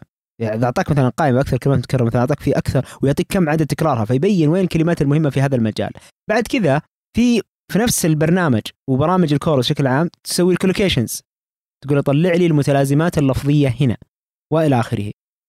فهذه مثلا مهارة دمجت ال corpus اللي هو يستخدم في اللغويات أصلا ما يستخدم كثير في الترجمة يستخدم في تحليل بعض الاحيان الترجمة وإلى آخره. ولكن مثلا بهذه الطريقة أنا استخدمت أداة حاسب آلي لتلخيص مقالات ضخمة لهدف التحضير عشان أعرف أحدد المعرفة وين. هذا جانب. الجانب الثاني اللي أنت تكلمت عليه آه أنت لسه بتتكلم عن ال CAT tools بتكلم عنه. أجل خلاص بوقف فكرتي لما نتكلم عن ال CAT tools إنه كيف ممكن يستخدمها لإدارة المعرفة. أو إدارة إدارة المعرفة التخصصية أو أو أو, أو يسمونه زي ما تفضلت تخزين المعرفة ثم استرجاعها. طيب تفضل. اسف على المقاطعه بس أنا ذكرت هذا المثال اللي آه يعتبر أيضا يعني من وسائل استخدام الحاسب الآلي والبحث وجمع المعرفة. استرجاعها عاد بالوسائل اللي أنت تستخدمها. ممكن لأنك في النهاية نتيجة ال AntConc هذا أو ال corpus ممكن تستخدم مثلا Notion وذكرت مثال اللي قبل Notion شو اسم البرنامج؟ Obsidian Obsidian Obsidian O B S I D I A N Obsidian طيب Obsidian مثلا هذا برنامج متخصص في إدارة المعرفة و أو أو Notion أو مثلا لاحقا بنتكلم كيف تستخدم أيضا ال CAT tools طيب. ال CAT tools ميزتها توفر عليك وقت. لأن لأن البرامج هذه من تلقاء ذاتها يحفظ جميع النصوص اللي أنت ترجمتها ويسوي لك corpus analysis ويحط ويعطيك الاصطلاحات ويعطيك الجمل المتشابهة. فأغناك على الموضوع هذا كامل. لكن لو ما كنت تستخدم ال CAT tools برضو مهم إنك تستخدم التطبيقات البرامج اللي أنا تكلمت عنها على أساس تحفظ المعرفة اللي عندك. طبعا ال CAT tools للأمانة تحفظ وقتك بشكل الناس ما تتصور أحيانا المترجم يعصب على الكتو معقد مش عارف لازم أربط الجمل فرق الجمل بشكل غبي. لكن ثق ثقة تامة بعد سنة لما تشوف إنه عندك مئة ألف اصطلاح محفوظ وأنت ما سويت شيء. التطبيق هو اللي سواه لك. لما يصير عندك آه، مكنز فيها مئات الآلاف من الجمل. ومصنفة بعض الأحيان. مصنفة نعم. وتقدر وقابلة للبحث. تقدر تبحث فيها. لإعادة تصنيف وقابل للتنظيف. نعم, نعم. كل هذه الأمور يعني آه، بتساعدك كثير. ما تساعدك في في البداية. في البداية ال CAT tool أهبل. ما يسوي لك شيء. مع الوقت يبدأ يبني يبني يبني. هذا يوفر عليك جهد ووقت. بدل ما أنت تقول والله تذكر أنا ترجمت نص زي كذا أو ترجمت جملة زي كذا. تروح تفتح لك 7000 ملف Word بعدين تسوي copy paste بعدين تلقى Google Drive ضيع عليك الملف. بالضبط. كبسة زر. قضت. انتهى الموضوع. الواحد يتصور إنه هذا طيب. وبعدين مع الوقت لا تستغرب إذا إذا واحد جاء وقال والله أبغى أشتري منك هذا المكنز أو أنا أبغى أبغى قائمة اصطلاحات في التخصص الفلاني تقول والله طبعا ممكن زملائك توزعها لكن ممكن بعدين تقدم دورة تخصصية وهذا وهذه الاصطلاحات تباع. على ال- المتج على المتجر على أو تخصصك على. مثلا وعلى تخصصك. يعني أو تكون مثلا على- أنت معروف في التخصص هذا وعندك عمل مثلا 20 30 سنة. صحيح صحيح. تس... تقدر تستطيع إنك أنت تستفيد منه ماديا. أو تخدم فيه زملائك المترجمين أو وبالأخير أنت ما سويت شيء. أنت مجرد استخدمت بدل ما تستخدم ال Word استخدمت هذه الآلة. واللي هي متخصصة أصلا في مجالك. صحيح. نفس الشيء في سواء Notion dot dot AI أو أو اوبسيديان طبعا كلها مفتوحه المصدر. اوبسيديان مفتوح المصدر نوشن في منه آه، تطبيق مجاني في تطبيق بفلوس. أنت حر. آه، آه، لكن ميزتها إنه مع الوقت يبدأ يبني عندك تصور أكثر وأكثر عن المواضيع اللي انت تقرأ عنها وتبدأ تحفظ المعرفة بحيث إنك توفر على نفسك وقت وجهد في المستقبل. يساعدك كثير بشكل ما تتخيله لأنه مو معقول إنه المترجم يحفظ كل شيء. بشكل مختصر بس ودي أعرف كيف يشتغل أوبسيديان وكيف يشتغل نوشن؟ as concept يعني بس تعطيني تصور عنها. باختصار آه، هي زيها زي ويكيبيديا. أنت تفتح صفحة وتنشئ روابط ثنائية بين الصفحة هذه وصفحة أخرى. فممكن صفحة يكون آه، مؤتمر ال- ال- ال- الأمن البيئي. وبعدين تربط فيها بعض الاصطلاحات وبعض المقالات اللي انت تقراها وبعض الكتب اللي قريتها ولخصتها. أو بعض المواقع الإلكترونية بحيث بعدين لما تكتب هاشتاج environment يطلع لك أربع خمس مقالات سبقا قرأتها ولخصتها يعني كان يحفظ لك ال track record تبعك نعم، نعم. وهل يبحث فيها هذه اللي اللي اللي, اللي أنا طبعا ما أستخدم لا هذا ولا هذا فالآن يعني شد انتباهي صراحة بس هل يعني إنه الآن بما إنه يعني ال- ال- خلال عملك أنت سوف تربط كل مم. ما قرأته وكل ما اطلعت فيه بهاشتاج محدد أو غيره. طيب لما أجي بسترجع المعرفة هل فقط يقول لي تراك اطلعت على كذا ولا أيضا ممكن يلخص ويستنتج منها معرفة؟ يقدر يستنتج من ناحية أوبسيديان على سبيل المثال في أحد ال- الطرق تشوف الشبكة شبكة المعرفة اللي عندك. تضغط عليها يطلع لك خارطة أو يطلع لك صورة. الصورة هذه زي الصورة الذهنية. بعض الدوائر أكبر من دوائر أخرى. ممكن تلقى دائرة كبيرة تتحدث عن على سبيل المثال في مجالك يا فهد بتلقى دائرة كبيرة اللي هي الترجمه الشفهيه تضغط عليها يطلع لك كل المقالات انت قريت عن هذا الشيء. تقدر تقول أعطني كل الأشياء اللي- لها علاقة بالترجمه الشفهيه إما بشكل مباشر أو زائد واحد أو زائد اثنين أو زائد ثلاثة. فتكون علاقة بين الأفكار اللي عندك. طبعا بس التوضيح للناس تستمع أكثر. زائد واحد زائد اثنين زائد ثلاثة أنت تقصد إنه زائد واحد يعني مصدر أصلي أو مصدر متفرع من الأصلي نعم. أو مصدر متفرع من المتفرع. ال- ال- المتفرع. فهذا الأصلي هو الصفر زائد واحد يعني تفرع منه زائد اثنين يعني تفرع من الفرع. فهذا يسهل عليك إنك تربط بين الأفكار هذه. هذا اوبسيديان اوبسيديان طيب ونوشن نوشن يساعدك من ناحية إنك تقدر تكون تكون يسمونها قواعد بيانات علائقية. فتكون علاقة مشتركة بين قواعد البيانات. فتقول له أعطني قاعدة بيانات بكل الأشياء اللي فيها وسم أو فيها هاشتاج environment. طلع لك اياها تلقائيا. فأنت تأخذ فرضا على سبيل مصادر كثيرة أو مواقع إلكترونية وأنت ترمي لها هاشتاج بكرة تبغى تسترجعها كلها بكل سهولة طلعها لك لأن هي عبارة عن كأنها قاعدة بيانات كبيرة جدا. طيب هل مثلا أحتاج في نوشن إني أنا أربط إني أقول له ترى دخلت كذا ولا هو مثلا زي المتصفح ما دامي أستخدمه هو يلقط البيانات؟ دامك تستخدمه بالشكل الصحيح يربط. ميزة نوشن عن اوبسيديان آه نوشن تقدر تحط آه شو اسمه تطبيق إضافي في في جوجل كروم في في في فايرفوكس اعرف أو في فايرفوكس بس في السفاري لا. أعجبك مقال. اضغط على الأيقونة. كأنك تقول له سجل عندك يا مدير. يحفظ لك الصفحة يقول لك طيب وش ال وش ال وش الهاشتاجات اللي تبغاها وين تبغاني أحفظها لك؟ ثلاث كبسات حفظها لك في النوشن يعني إلى. حد ما هو يشتغل في ال background فبالتالي خلينا نقول أسهل لأن تدخلك ما هو مباشر مباشر مثل أوبسيديان. نعم. بس كلها ثنتين تهدف لغرض واحد وهي حصر أو تسمح لك بتتبع المعرفة السابقة اللي ما مر- مررت عليها. وسهوله استعاده المعلومة. طبعا مع الوقت هذا يساعدك في أشياء ثانية. ينظ- ينظم عملية الترجمة ينظم عملية القراءة ينظم عملية البحث. آه، البحث.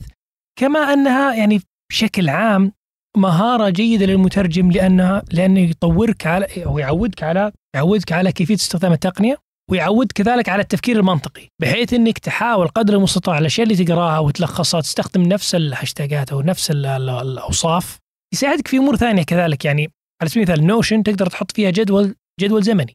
عندك مشروع كبير في الترجمة تقدر تقسمه إلى جدول زمني وهو يقسمه لك حسب التواريخ. لما تحط التواريخ فيها يعطيك نوع من الاحترافية ما هي موجودة لو ما استخدمتها. برضو يحط كل المعرفة حقتك في مكان واحد. يسهل مشاركتها تقدر تضيف. تقدر تضيف زملائك تقدر تشاركها مع الناس تقدر تخلي بعض الصفحات خاصة بعض الصفحات عامة. فيها أمور كثيرة تساعد المترجم وتوفر عليه وقت وجهد في المستقبل. أضف إلى ذلك ميز- ميزتها ما تقصر المعرفة اللي أنت كسبتها. بالإضافة إلى إلى أنه أحيانا تبحث لمدة ساعات لين تلقى مقال واحد. المقال هذا يمكن ما تحصله المرة الجاية. الناس تنسى إنه جوجل وغيرها مواقع التواصل لها طريق لها مصفوفة للتصنيف. أحيانا موقع يكون مصنف لدرجة عالية جدا فيطلع لك في أول أربع في أول صفحة. بكرة يزعل عليه جوجل يكون في آخر صفحة. صعب تصل له من جديد. في أمور كثيرة مزايا في إنك تستخدم زي هالبرامج وتدير المعرفة اللي أنت اكتسبتها. بحيث إنك ما تفقد ال... وكأنك يعني باختصار كأنك تقول الآن اللي هذه طريقة آلية لأخذ ملاحظات. زي لما زمان واحد كان يذاكر يقول لك لازم تكتب. إذا ما كتبت أنت ما ذاكرت. لأنه الملاحظة إذا أخذتها بالطريقة السليمة بدل ما تقرأ الكتاب كامل ترجع لملاحظاتك عن ما قرأت. الآن هذه الطريقة الإلكترونية الحديثة اللي أنت إذا مررت على معرفة آه، تظن أنها مهمة لك أو آه، تظن أنها مهمة للمستقبل أو مجرد أنك تعبت عليها بإمكانك أنك تحفظها لاستعادتها لاحقا. كانك تكتب نوتة. صحيح. بعد كذا إدارة المعرفة في الآن تطبيقات وفي خدمات بدون ما أذكر اسمائها لو بحثتوا في النت بتلقونها. في تطبيقات كثير يلخصون لك الكتب. كتاب لخص لك إياه بعدة آه، مستويات. خمس دقائق عشر دقائق نص ساعة. عط عطنا أسماء خلينا نستفيد إذا كان بالإمكان إذا يحضرك شيء. ريد وايز واحدة منها. آه في كذا واحد ثاني خلني أح- في ريد وايز وفي خلني أتذكر بعض الثانيات.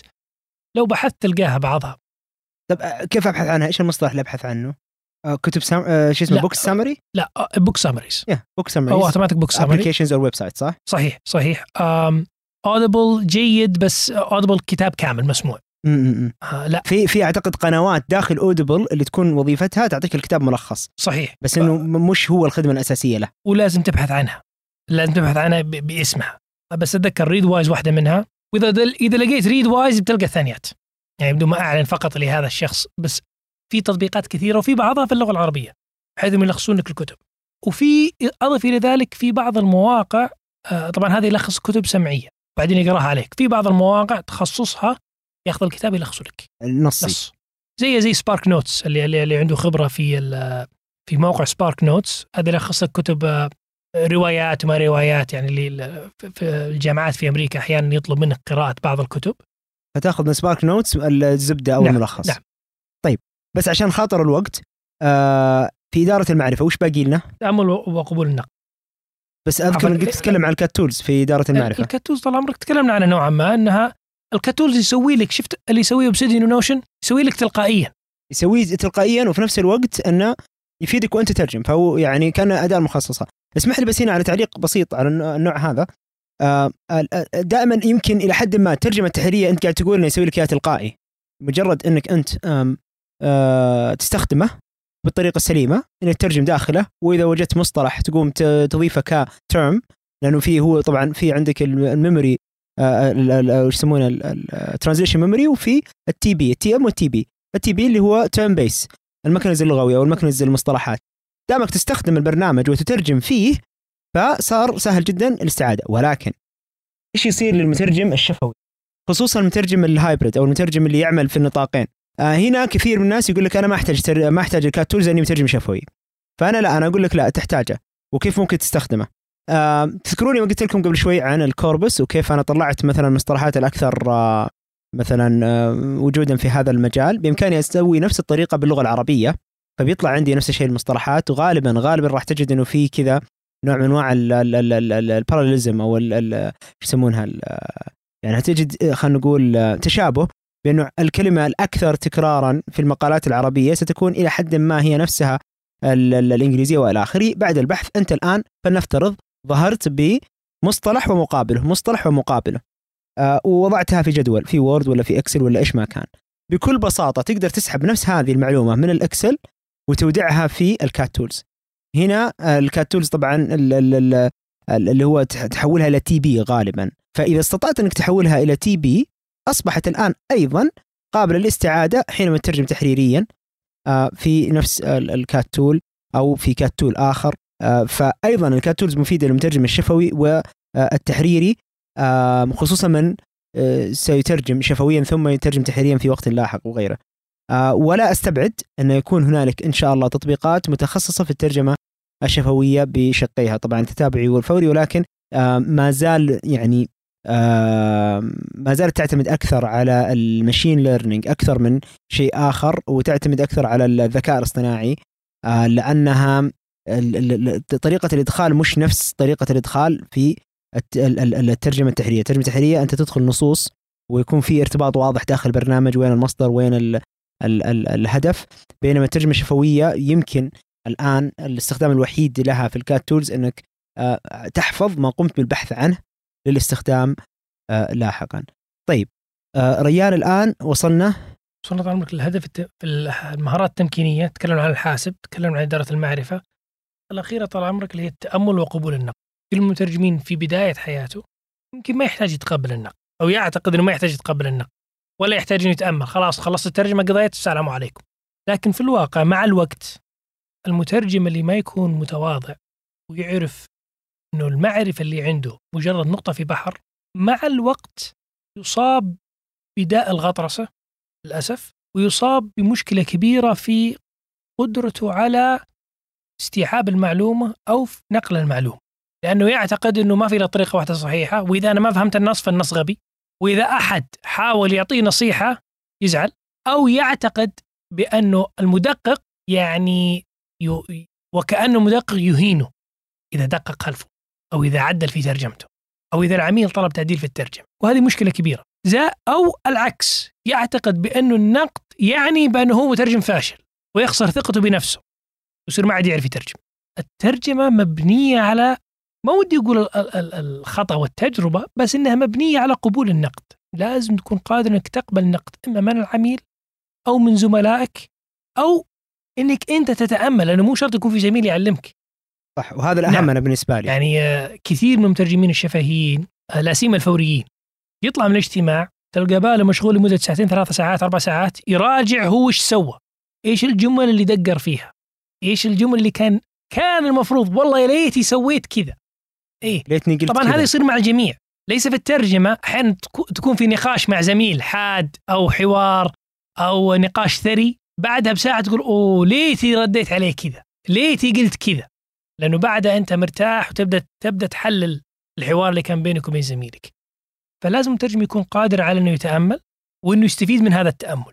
آه ليتي والله ترجمت هذه كذا لو إني قلت كذا كان أفضل من كذا. ليس لجلد الذات جلد الذات غير مطلوب. اللي مطلوب إنك دائما تبحث عن تطوير نفسك. كل مشروع تدخله في الترجمة سواء شفهي أو تحريري لازم تطورك لازم تكون أفضل مما كنت في السابق. من الجيد على المترجم بعد سنة إنه يشوف ترجمته قبل سنة سيئة. هذا شيء إيجابي ما هو شيء سلبي. معناته إنك تطورت معناته إنك تحسنت. الخطورة في الترجمة لما تشوف ترجمتك قبل سنة أفضل من اليوم. هنا معناته صار نعم. في انحدار في مستواك المستوى. نزل. إما إنك ما حافظت على لغتك إما إنك ابتعدت نوعا ما عن المجال إما إنك ما بحثت إما كان مزاجك معكر لأنه المزاج يأثر كثير على الترجمة أو ما نمت. أمور بسيطة. ترى أحيانا المترجم ينكب نفسه. يسهر الليل يسهر اليوم اللي قبله يجي للدوام يطلب منه يترجم اجتماع كبير أو وثيقة عاجلة يكون هو باله مو معه يخسر قدرته على الترجمة. طبعا وش دخل هذا بالتأمل وقبول النقد؟ لما تعرف إنه ترجمتك هذه ما هي جيدة هنا تستعين بصديق هنا تحاول قدر المستطاع إنك تأجل العمل اليوم آخر أو شيء من هالقبيل. هذا ما يجي إلا مع إنك تكون صادق مع نفسك. مسألة إنه يا رجال تمشي ترى هذا بكرة يضرك. زي ما تفضلت نهاية المطاف عملك باقي للأبد. إذا كان شفهي باقي في أذهان الناس. هل المترجم هذا كان واثق من نفسه؟ كان يقبل النقد؟ كان يترجم بشكل جيد؟ وفي الترجمة التحريرية في الوثيقة موجود يعني آه، إلى الأبد. نعم. مثبت بولت بروف الله الله الله. الله. فمن الجيد أنه الشخص يكون قابل للنقد. يعني آه، سيدنا عمر بن الخطاب كان آه، له له مقولة شهيرة رحم الله امرئا أهداني عيوبي. يعني خل هذا خل هذا دائما في بالك. خل هذا يعني هذا شعارك إنه إذا أحد قال لك شيء خذه بحسن نية حتى لو كان يقصده بسوء نية. خذه بحسن نية. امتص الشخص. أستخلص منها ما ممكن الاستفادة منه والباقي خلاص مو مشكلة تقدر تتجاهله. طيب آه الآن تكلمنا عن ال- الركائز ال- الثلاث حتى الآن. صحيح. صح؟ آه وش باقي عندنا؟ باقي طال عمرك الأخيرة وهي اللي ما يتكلمون عنها الناس كثيرا العقا- العلاقات المهنية. بعض المترجمين يعتقد انه جزيرة على كوكب الحال محتاج أحد. هذا خطأ كبير. تحتاج مترجمين تحتاج خبراء تحتاج عملاء. زي ما ذكرنا في السابق أحيانا المكالمة توفر عليك ساعات من البحث. أحيانا يجيك مشروع كبير ما تقدر تغطيه لحالك. تضطر إنك تستعين بزملائك. ولازم تعرف من من الزملاء الصالحين ليس فقط والله الناس اللي في بيئتك وفي محيطك. مين الزميل الخبير في مجال الطب من الزميل الخبير في مجال القانون. تحتاجهم بكرة في هذا المجال. فالعلاقات المهنية مهمة وضرورة للمترجمين. شئنا ما بين سواء شفهي أو تحريري. فهذه من الأشياء اللي الناس تهملها أحيانا. يقول لك والله أنا أترجم الحالي. أول شيء للأمانة وهذا قليل في السوق عندنا بس. بس أتمنى إن السوق ينضج. الترجمة هو عمل فردي. ترجمه ال- التحريرية بالتحديد عمل جماعي. إذا نظرت للآيزو ستجد بأن المفروض يكون في مدير مشروع مترجم ومدقق على أقل تقدير. في العادة في مترجم وعفوا في مدير مشروع ومترجم ومراجع ومدقق ومحرر. خمسة. هذا ال- ال- الاعلى هذا هذا الأفضل على الإطلاق. هذا الأفضل. قليل المشاريع اللي شفتها كذا هنا في السعودية لكن على الأقل أحيانا تستفيد كثير لما يكون في واحد خلفك يراجع. ولا واحد لو واحد. صح. وبتلقى مس... وتيرة العمل ارتفعت وجودة العمل ارتفع. فأعرف من الكثير من المترجمين ما زال يشتغل بشكل فردي ويعتقد إنه الترجمة أمر فردي لكن للأمانة المفروض يكون عمل جماعي. هذا هذا الأفضل. وإذا ما كان عمل جماعي على الأقل عندك زميل لما يكون عندك نص صعب وعميل مهم تقدر تستعين فيه. تستعين في علاقتك جيدة أو عندكم خبرات أو منافع مشتركة أو حتى حتى مثلا تنفيع زميلك. يعني لما تراجع وراي وتأخذ مثلا مبلغ آه، مثلا على هذه المراجعة؟ فهذه برضو يعني جزء من إنك تجود العمل تجود إنتاجك تحسن من من عملك وحتى يصب يعني إلى حد ما في موضوع التأمل وتقبل النقد. يعني دائما يكون في آراء في الترجمة فهي كلها آه، مفيدة. إذا تسمح لي بس أرجع لأني أظني أخطيت. Readwise يشارك ال- الملاحظات حقتك مع آه، التطبيقات أخرى. لكن ال- اللي يبغى يبحث عن ال- ال- الكتب ال- ال- شو اسمه ملخصات الكتب في short stories 12 minute في Shortform هو اللي أنا قد استخدمته نعم Shortform ممتاز جدا. آه، وغيره كثير. 15 minute book book summaries وغيرها. اذا إذا الواحد بحث عن book summaries أو article summaries يلقى تطبيقات كثيرة. على الآيفون وعلى على السامسونج. بس حبيت أنوه على الشيء هذا. لا لا تمام. اودبل عنده أشياء بس زي ما قلت لازم تبحث عنها بالاسم. آه فلما نرجع لمسألة آه الشيء اللي كنا نتكلم عنه اللي هو العلاقات الاجتماعية مهم يكون عندك علاقات اجتماعية. اجتماعية مهنية تقصد طبعا. أخوياك بكيفك. لكن لازم يكون عندك علاقات مهنية. طبعا العلاقات المهنيه عشان تبنيها وتحافظ عليها لازم يكون عندك جماعات ليس فقط عملية. مو بس إذا احتجت يتكلم خويك. آه، يجمعك بينه وبينه أشياء ثانية. زائد إنه يكون عندك القدرة للوصول لناس آخرين. أحيانا صديق واحد يغنيك عن ألف واحد. لأنه الصديق هذا يعرف واحد دايم. تعرف واحد هنا؟ إي والله أعرف واحد. تعرف كيف؟ أعرف واحد. أنا ما أعرف بس أعرف واحد يعرف واحد. إذا تسمح لي بس هنا أتداخل في نقطة أنه ال- على هذا الطاري آه، أولا نبارك لجمعية الترجمة آه، باكورة آه، نشاطاتها اللي هي كان صالون المترجم أو صالون الترجمة عفوا. صالون الترجمة آه، يعني فكرته بأنه يختار ثيمة محددة ويوفر محاورين ويتناقشوا فيها بحضور الجمهور والجمهور يستطيع يست يعني يشارك معهم الأفكار يطرح الأسئلة يتداخل بغيره فهي يعني وسيلة رائعة جدا بأنه يكون مجلس للمترجمين والمترجمات بأنهم يحضروا ويت يعني يتعرفوا على بعض. هذا واحد اثنين ياخذوا معلومة جديدة ثلاثة آه، يعترضوا أو يناقشوا وإلى آخره. فأنا أعتقد من من باب تطوير الجانب العلاقات المهنية ال- الاجتماعية بإمكانك مثلا تحرص على فعاليات مثل هذه. وأنا اعتقد إنه جمعية الترجمة حريصة جدا على أنها آه، الآن تخلق على الأقل آه، آه، يعني ال- ال- الفعاليات هذه لتقوي الأواصر يعني تجمع المترجمين ببعض. فأعتقد هذه يعني ممكن أستغل الفرصة الآن إنه أقول يعني لا تفوتكم هذه الجمعيات أو هذه الاجتماعات اللي توفرها الجمعية لأنها تحقق هذا الهدف إنك تتعرف على عدد أكبر من المترجمين مساحة خصبة للنقاش وغيره. يعني الواحد يقول لك طيب كيف اتعرف على زملاء مهنة؟ زملاء الجامعة على العين والراس تعرفت عليهم. طيب غير كذا كيف تعرف على زملاء آخرين؟ عن طريق الجمعيات وغيرها تحضر هالفعاليات واحيانا ليس بالضرورة تعرف الجميع. أنت لو دخلت في المجتمع تعرف واحد الواحد هذا يعرف واحد ثاني الواحد الثاني ذا يعرف واحد ثالث. فليس بالضرورة تعرفهم كلهم بس حافظ على علاقتك مع بيئتك المهنية.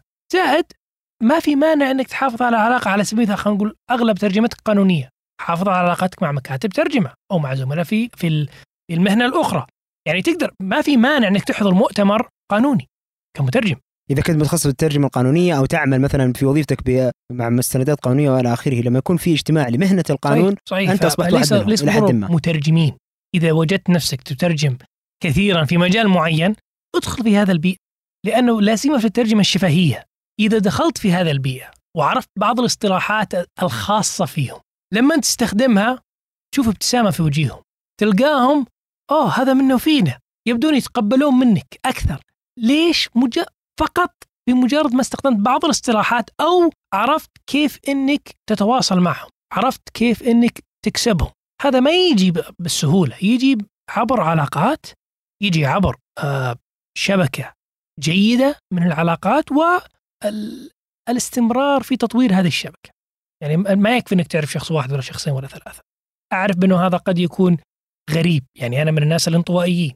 من الصعب علي إني أحضر مؤتمرات من الصعب علي إني أحضر هذه الندوات. مو جوي على قولتهم. لكن هذا لا يعني إني ما أحاول. أنت أيضا أعتقد مثلا معرفتي الشخصية فيك برضو أنت تعوض بالاطلاع الذاتي. الناس اللي مثلا يحفزك أكثر قراءة كتاب اطلاع فيلم والى آخره وثائقي.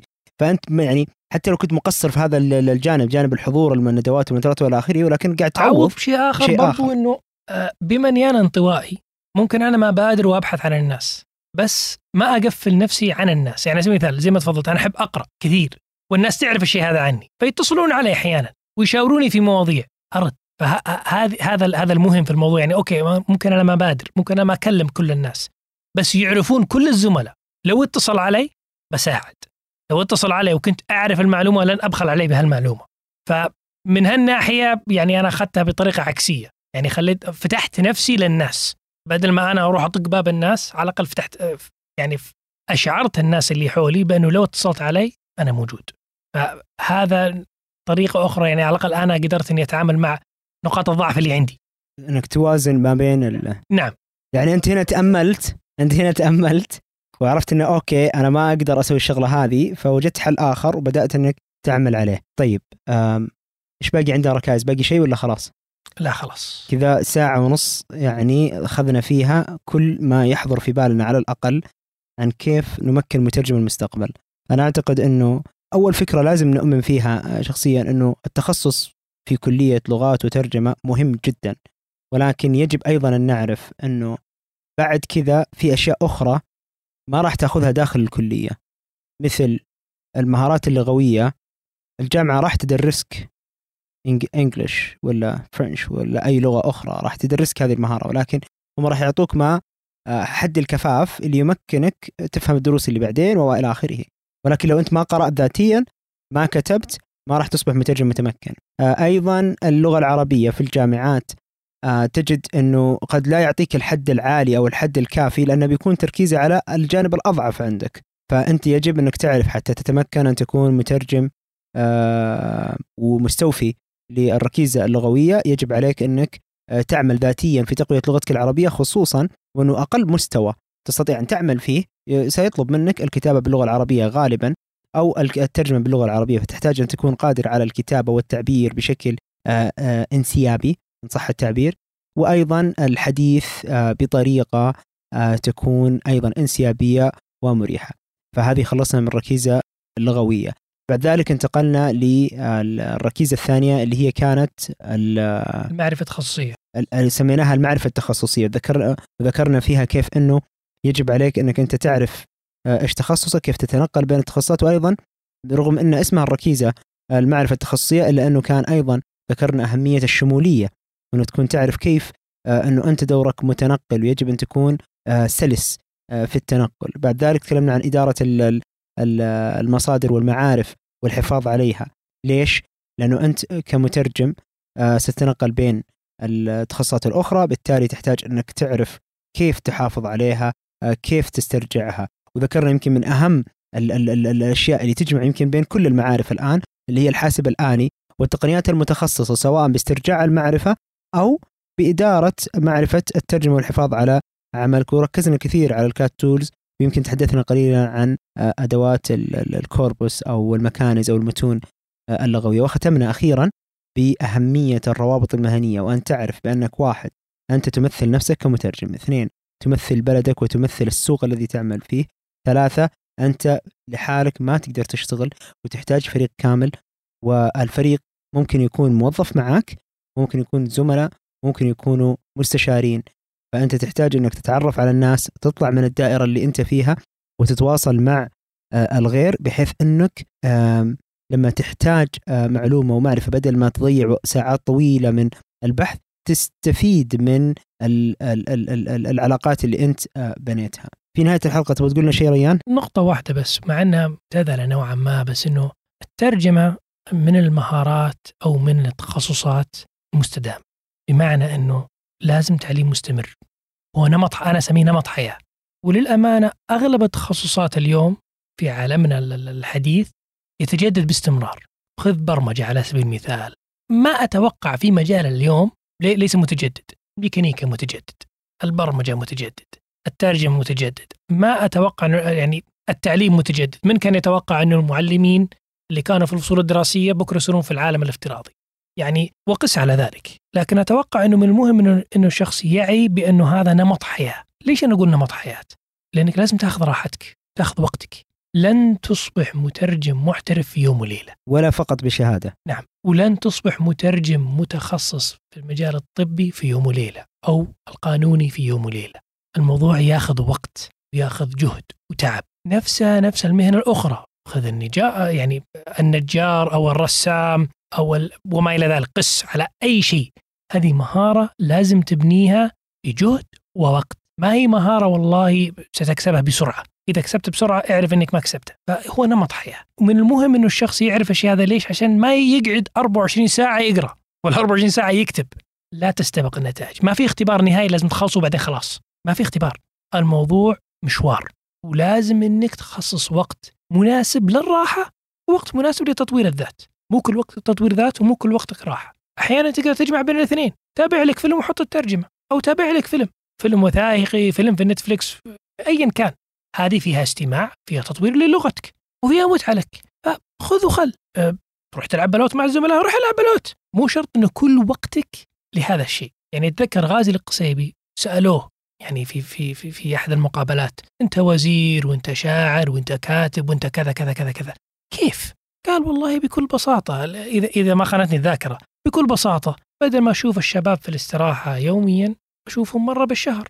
الساعة هذه أمضيها في الكتابة أو في كتاب سواء في كتابة الشعر أو كتب مع أنه وزير مع أنه عنده آه، يعني آه، ارتباطات اجتماعية.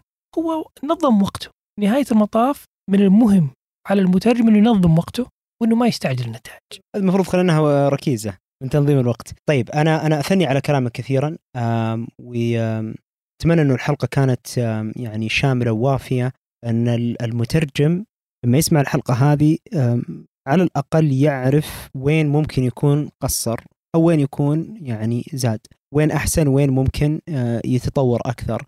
آه، أيضا أنا أتمنى إنه هذه الحلقة آه، تكون دافع للمترجم إنه يعرف إنه خصوصا مع هذا النقلة الأخيرة اللي نقلتنا لها موضوع عدم استعجال النتائج يعرف إنه أيضا حتى السوق بحد ذاته مستويات. يعني في في أنت لما تكون خريج في مستويات يفترض إنك تكون على الأقل قادر على الترجمة بها، ولكن طبيعي جدا تكون في مستويات أنت الآن غير قادر الوصول إليها، مع تطويرك لذاتك، مع الاستمرار في التعلم، مع الاستمرار إدارة المعرفة، مع التطور معرف معرفتك في استخدام الحاسب الآلي والتطبيقات المتخصصة في الترجمة وغيرها، آه تنتقل لمستويات أعلى. آه ف كنت معكم أنا فهد الهذلول ومعي هنا ريان فداغي آه هدفنا من برنامج حوار في الترجمة إنه إحنا نتناقش بكل أريحية ونشارك خبرات نتمنى بأنها تلامس آه أحد المستمعين أو جلهم أو انها تنقل آه صورة عن واقع آه، سوق الترجمة، واقع المترجم، واقع المشكلات اللي تواجهها. وفي نفس الوقت أيضا إذا تلاحظون إحنا حريصين جدا على طرح الحلول أو آه، إعطاء النصائح على الأقل من واقع خبرتنا. نشكر لكم استماعكم. دمتم بخير. بإذن الله تعالى انتظرونا في الحلقة القادمة.